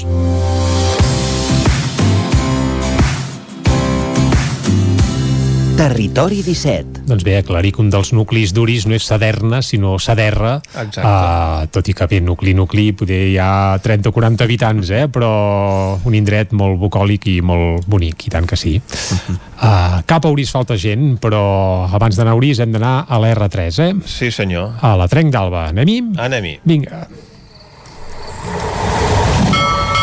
A Trenc d'Alba, edició pandèmia. Ara sense els usuaris que ens explicaven les seves desgràcies a la R3, però amb els mateixos retards i problemes de sempre. Benvinguts a Tren d'Alba. Doncs bé, avui us porto una nova queixa del col·lectiu perquè no ens fotin el tren, que deu ser la número 209.544. A veure, des d'aquesta plataforma es van indignar perquè l'enllaç a l'atur de Carola entre l'R3 i els ferrocarrils francesos és invisible als buscadors d'internet. No només els francesos, sinó també els dels Deutsche Bahn, que és un dels més utilitzats pels viatgers internacionals. Apel·len directament al Departament de Territori de la Generalitat de Catalunya, a Renfe i als ferrocarrils que facin feina per publicitar-ho. Però per què arreglar-ho avui si es pot fer demà? Des del del col·lectiu diuen que el viatge entre Tolosa i Barcelona, per 13 euros i mig, és possible i espectacular, i molt poca gent el coneix i és responsabilitat de territori facilitar la via transpirinaica per unir les dues ciutats. No només cal informar, sinó també adaptar els horaris als trens francesos. Els bitllets per viatjar a l'R3 no es poden comprar en línia, ni tampoc físicament a l'estació de l'atur de Carol en Veig, i això ocasiona molts problemes als viatgers internacionals que fan transbord a l'atur de Carol, provinents de les línies dels ferrocarrils francesos. Poseu-vos les piles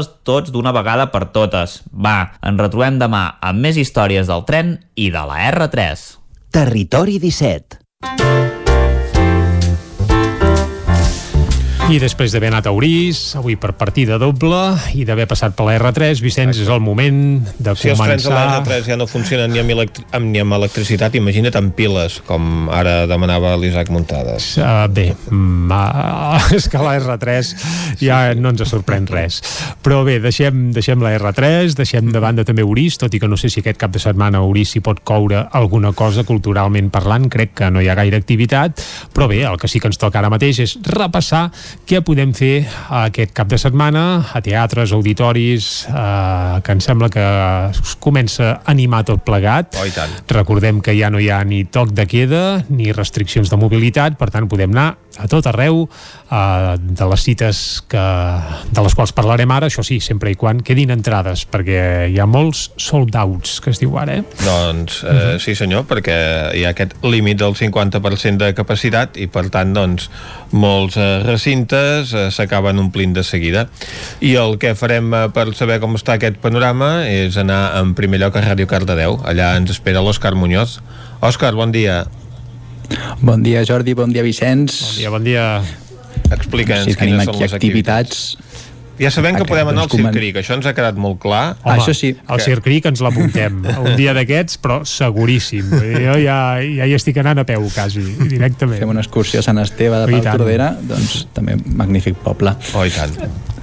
Doncs sí, mira, farem aquí el repàs. Aquí a Cardedeu només hem trobat una obra però bueno, sempre ens queda Granollers on hi ha el gruix d'activitats uh -huh. però comencem a Cardedeu dissabte a dos quarts de nou tenim l'obra de teatre Replex de la Isabel eh, Vinardell on uh -huh. ens presenta una història plegada d'origami amb música amb influències provinents de la polifonia danses i projeccions mappings a sobre de l'escenari encara trobem entrades i les podem eh, adquirir des de 10 euros a la pàgina web del Teatre Auditori del, de Cardedeu.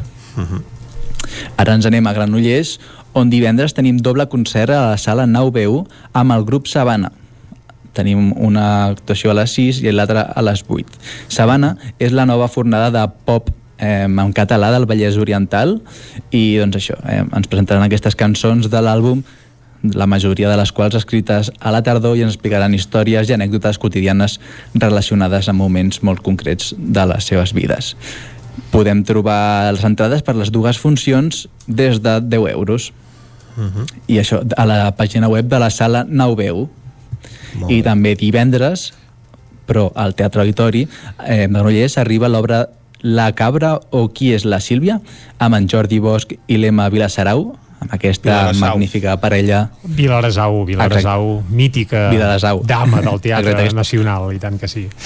sí i també magnífica parella televisiva eh, i això i ens presenta, es faran representaran una família nord-americana perfecta d'esquerres, harmoniosa i triomfadora. Però arriba això, amb llist, hi ha una llista d'espera, ja que estan totes les entrades exaurides, com havies comentat tu abans, doncs quan sol passar... Quan hi han actors d'aquest nom, de renom, doncs queden els espectacles amb el sold out. Doncs sí. Ara ens anem a dissabte, on venen els Every Night, també uh -huh. amb dos concerts, i presentaran el seu nou treball eh, anomenat Carrer, aquestes 11 peces que juguen amb el seu segell folk d'Every Night destilat al màxim. Amb aquest disc eh, és el més divert, diu el grup, ja que canten a l'espai que desitgen recuperar després de mesos de confinament i de limitacions socials i, i això, i on veuen créixer espornes d'esperances, o sigui, al carrer. Les entrades de les 8 ja són exaurides i només hi han per la sessió de les 6 i uh -huh. aquest concert eh, el faran al Parc de Ponent de Granollers. I Molt acabem diumenge uh -huh. al Teatre Auditori de Granollers a les 6 de la tarda dins del cicle d'òpera de Catalunya eh, l'Associació d'Amics de l'Òpera de Sabadell ens presenta un gran clàssic que és Aida de, de Verdi, una òpera en quatre actes situada a l'Egipte eh, dels faraons durant la campanya militar dels egipcis contra els etíops. Uh -huh. Que la setmana passada es va poder veure l'Atlàntida de Vic i, ah, per cert, molt recomanable aquests muntatges dels Amics de l'Òpera de Sabadell amb l'Orquestra Simfònica del Vallès, un luxe. Si, si pots, Òscar, treu-hi el cap, eh? encara que no t'agradi l'òpera, uh, val molt la pena. No, no, no, no em desagrada, eh? O sigui, no, doncs, no tinc eh, cap problema amb això. Doncs cap a veure Verdi, sí senyor. Perfecte. I fins aquí seria aquest repàs cultural d'aquesta zona del Vallès. Molt bé, doncs eh, moltes gràcies, Òscar. Anem ara cap a una codinenca, no, Vicenç? Ah, exacte. Saludem a la Caral Campàs. Caral, bon dia. Hola, bon dia. Explica'ns quines activitats hi ha pel Moianès i en aquesta zona del Vallès. Doncs, mireu, en aquesta zona del Vallès i concretament a Vigues i Riells tenim eh, dues presentacions literàries. Una serà eh, aquest dijous i l'altra serà divendres. Totes dues seran a les 6 de la tarda i al mateix espai, la, la Biblioteca de Vigues, i, i seran dues eh, doncs, presentacions de llibres gratuïtes.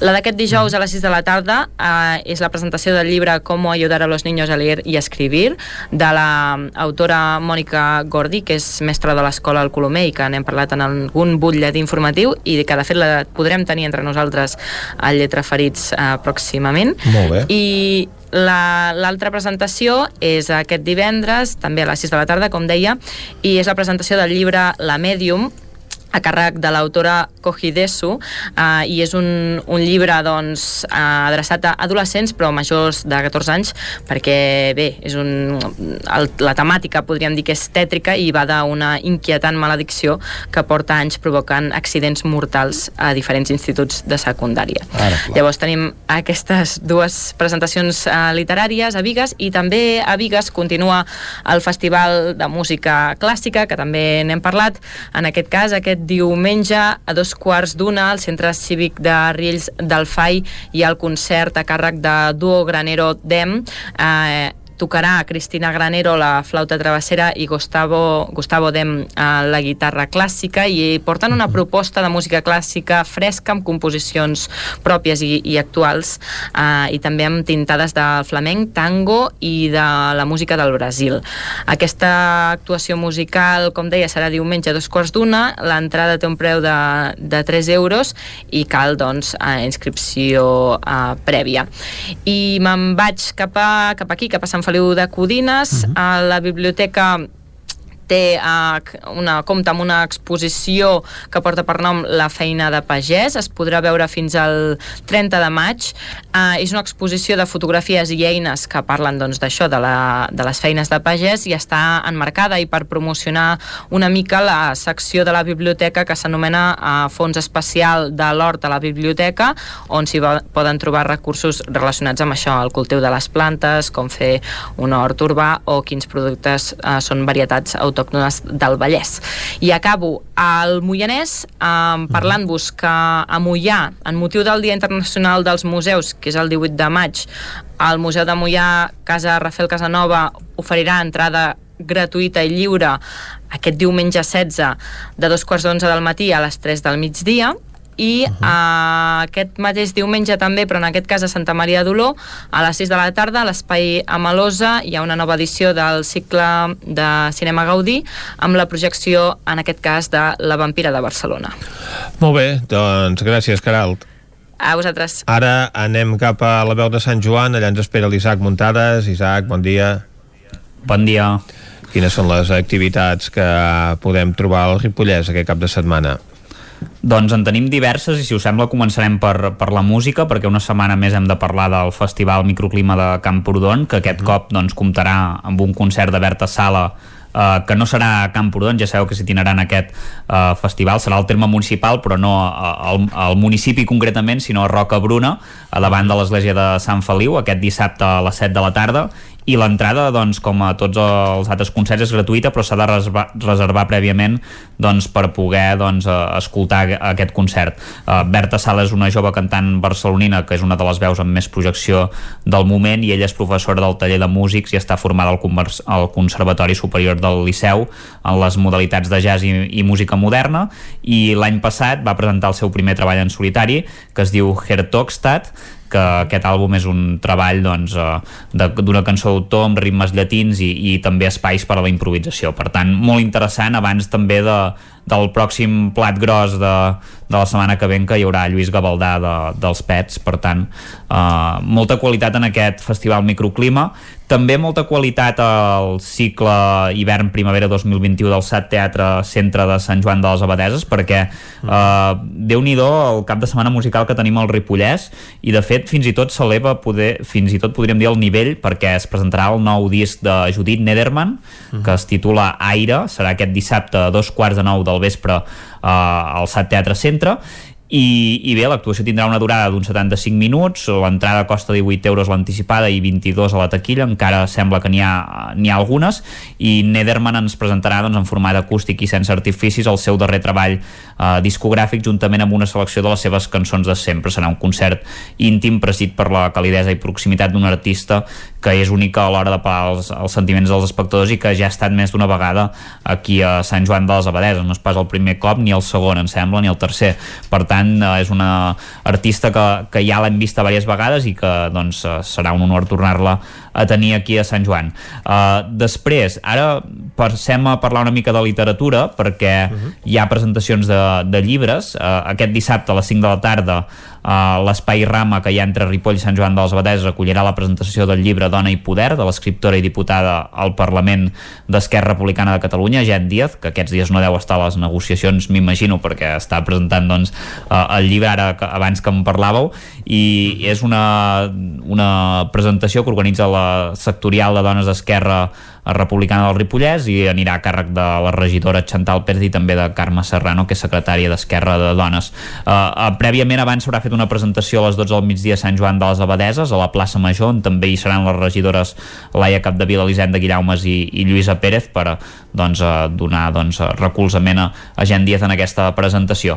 Uh, també uh, de, passant d'Esquerra Republicana anem a parlar de Junts perquè hi ha una nova presentació d'un llibre també aquest divendres a les 8 del vespre a la Biblioteca Lambert Mata i en aquest cas el protagonista és Josep Rull perquè és el seu llibre que ara està en, sabeu que està empresonat a Lledoners per tant no, no hi podrà ser-hi. Uh, un dia d'octubre i dos poemes quan l'esperança venç la por aquest és el, el títol i la presentació anirà a càrrec del diputat del Parlament i alcalde de Ripoll Jordi Monell i també hi haurà el conseller Damià Calvet per tant uh -huh. doncs és un acte amb, amb pesos pesants també de, de Junts per Catalunya eh, conduït que en aquest cas per la periodista ripollesa Esther Martí i eh, dir-vos també que abans ho deia la Caral que el 18 de maig és el Dia Internacional dels Museus i del 15 al 18 de maig al Museu Noràfic de Ripoll doncs, hi haurà bastanta activitat. El dies, els dies 15 i 16 hi haurà portes obertes. El dissabte la ni, eh, hi ha la nit dels museus que tancarà fins a les 9 del vespre. I prèviament a la tarda, a dos quarts de 5 hi haurà la visita guiada a la Fàrega Palau amb demostració de forja que es pot veure de forma gratuïta però s'ha de reservar i els dies 18 i 19 doncs, es dona la benvinguda a la gent gran amb Recuperem els museus, que és una activitat que es fa una visita especial de la, doncs, a la gent gran, en aquest cas de la Fundació eh, Guifré de Ripoll. I, I ja per acabar, un apunt cultural que no és un acte pròpiament dit, però és interessant eh, que us ho comenti, que Roser Ramon i Irene Vidal van guanyar l'onzena edició del certamen literari Joan Maragall. Eh, Vidal va vèncer en la categoria de poesia amb el poema Una flor i Ramon ho va fer en el primer premi de la categoria de narrativa amb l'obra Amigues inseparables i amb dues en, eh, es van endur doncs, aquests 200 euros de premi i els finalistes d'aquesta edició van ser Blai Bolea Galvez amb Polifacètic i en poesia doncs, va guanyar doncs, una persona que vam entrevistar fa molt poc, la bibliotecària de, de Sant Joan, l'Anna Belena Vilés, uh mhm. -huh. doncs va quedar segona amb les fotografies en, en narrativa. Uh, enguany hi ha hagut un augment important del nombre de participants en les dues categories. Uh, de fet, pràcticament s'han presentat 33 obres en, en la categoria narrativa i 25 a les de poesia, per tant doncs, va ser molt difícil escollir uh, els guanyadors i amb motiu de la situació sanitària uh, no s'ha fet una edició, uh, en aquesta edició no s'ha fet un acte obert al públic doncs, per donar a conèixer el veredicte, però bé, en aquest cas ja us l'hem explicat i, i ja veieu que té molt bona salut aquest certamen literari Joan Maragall de Sant Joan. Molt bé, doncs, gràcies, Isaac. A vosaltres. Anem ara nosaltres a parlar amb en Jordi Vilarrodà de l'actualitat cultural a la comarca d'Osona que ve carregada, Jordi. Molt, molt carregada, haurem d'anar de pressa perquè és que avui sí que si no anem de pressa no ens ho acabarem això uh -huh. i mhm. encara ens quedaran coses al tinter. A veure, eh, primer de tot, com que l'Isaac ja ha fet referència, jo també ho recordo, tot aquest cap de setmana hi ha activitats als museus. Aquí parlem uh mhm. -huh. d'arts escèniques sempre, però el Dia dels Museus se celebra tot arreu, consulteu webs perquè tots els museus d'Osona tenen activitats també i això crec que val la pena remarcar-ho. Ja ens ha dit la Caral Caldó Mollà també. Efectivament. Uh, i, I anem per arts escèniques, perquè aquest cap de setmana hi ha molta cosa.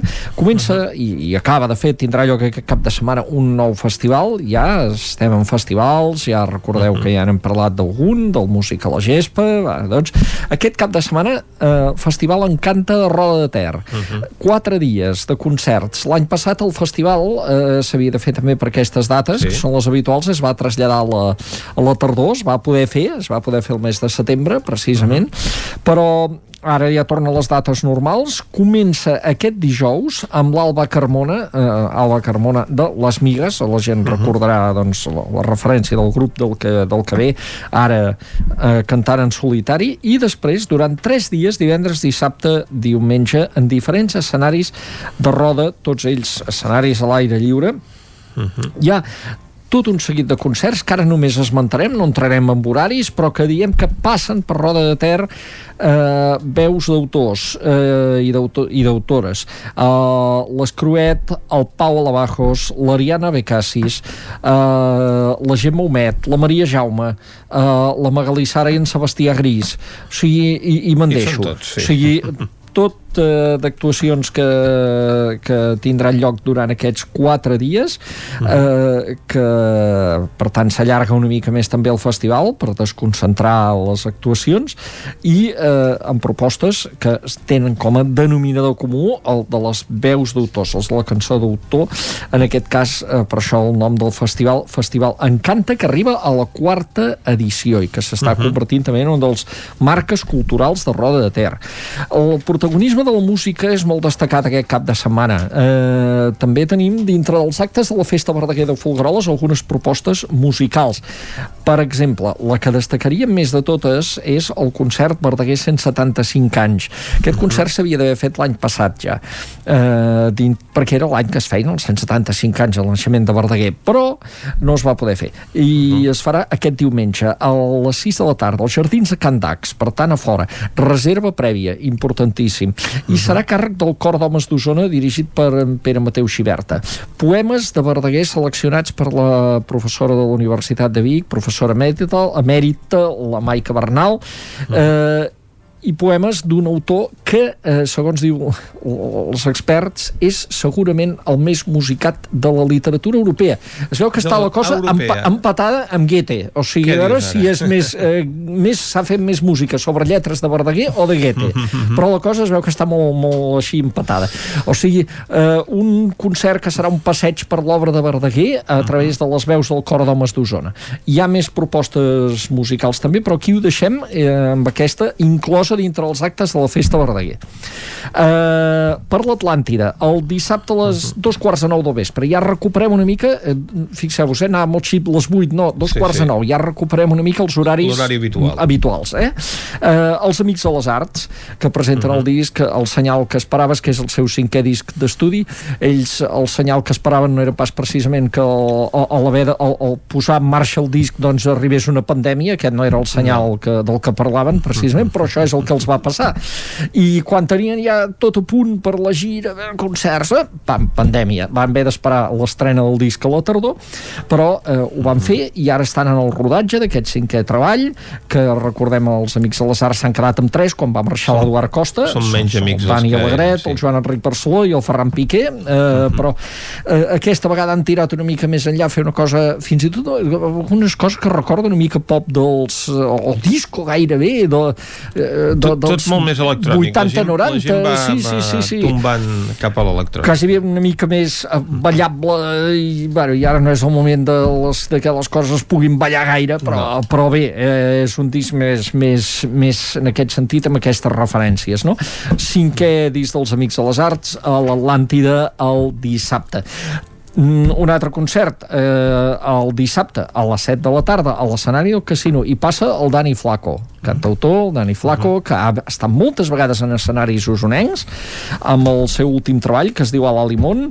Eh, té, un, té fans fidels el Dani Flaco i a més a més aquí a Osona en té uns quants perquè és un lloc on hi ha estat moltes vegades i segur que serà bonic veure'l en aquest escenari tan íntim de la sala modernista del casino que és preciós en aquests concerts eh, que, que van tenir lloc en aquest espai. Dissabte a les 7 de la tarda. És a dir, potser fins i tot hi ha temps de les dues coses eh? anar a veure el Dani Flaco i després uh -huh. corrents a veure els Amics de les Arts Doncs... eh, justet com, però com, que, com que fan dues funcions... justet però bueno, jugar, a veure si, jugar. a veure si, si es pot Eh, tenim també, per exemple, eh, la nau espacial de Centelles, que recupera activitat i tenim els Nucli Trio que és eh, aquest trio d'Anguell en Plana en David Vinyoles i l'Aleix Forts que conviden sempre una altra persona a tocar amb ells. Ho han uh -huh. fet a la Cava de Jazz ho han fet en diferents llocs. Eh, el Nucli Trio torna a fer una convidada que feia des d'abans de la pandèmia que no havien fet, en aquest cas la Laura Cruells i actuaran a la nau espacial de Centelles el dissabte a les 6 de la tarda. Festivals, continua el Festival de Música a la Gespa del Castell de Montesquieu que va començar la setmana passada un concert a la Luz Royce si el temps ho permet, doncs allà en els jardins que és preciós l'espai es fa una mica de vermutet també guardant les distàncies, a l'aire lliure, etc etc i aquest diumenge hi arriba un Joget i Maria Ribot amb el seu tercer disc, Sant Llorenç. Eh, la setmana vinent eh, ja ho avancem, eh? avancem que la setmana vinent aquest festival tindrà una actuació destacada. En Joan Colomó que treu un nou disc i el presenta en el Música a la Gespa. O sigui, el diumenge següent hi tindrem en Joan Colomo amb disc nou. I ara ho hem de deixar aquí Sí, senyor. perquè, perquè eh, ah, sí, cicle de músiques a Santa Llúcia Taradell, diumenge, sonates de Bach ja està, i aquí acabem. Doncs amb aquestes sonates anem per acabat el territori 17 d'avui. Un territori 17 que hem fet. Clàudia Dinarès, Caral Campàs, Isaac Muntades, David Auladell, Pepa Costa, Òscar Muñoz, Isaac Moreno, Guillem Freixa, Jordi Vilarrodat, Jordi Givert, Jordi Sunyer i Vicenç Vigues. Nosaltres tornarem demà, com sempre, fent-vos companyia des de les 9 del matí i fins a les 12 del migdia. Adeu. Que vagi bé, adeu.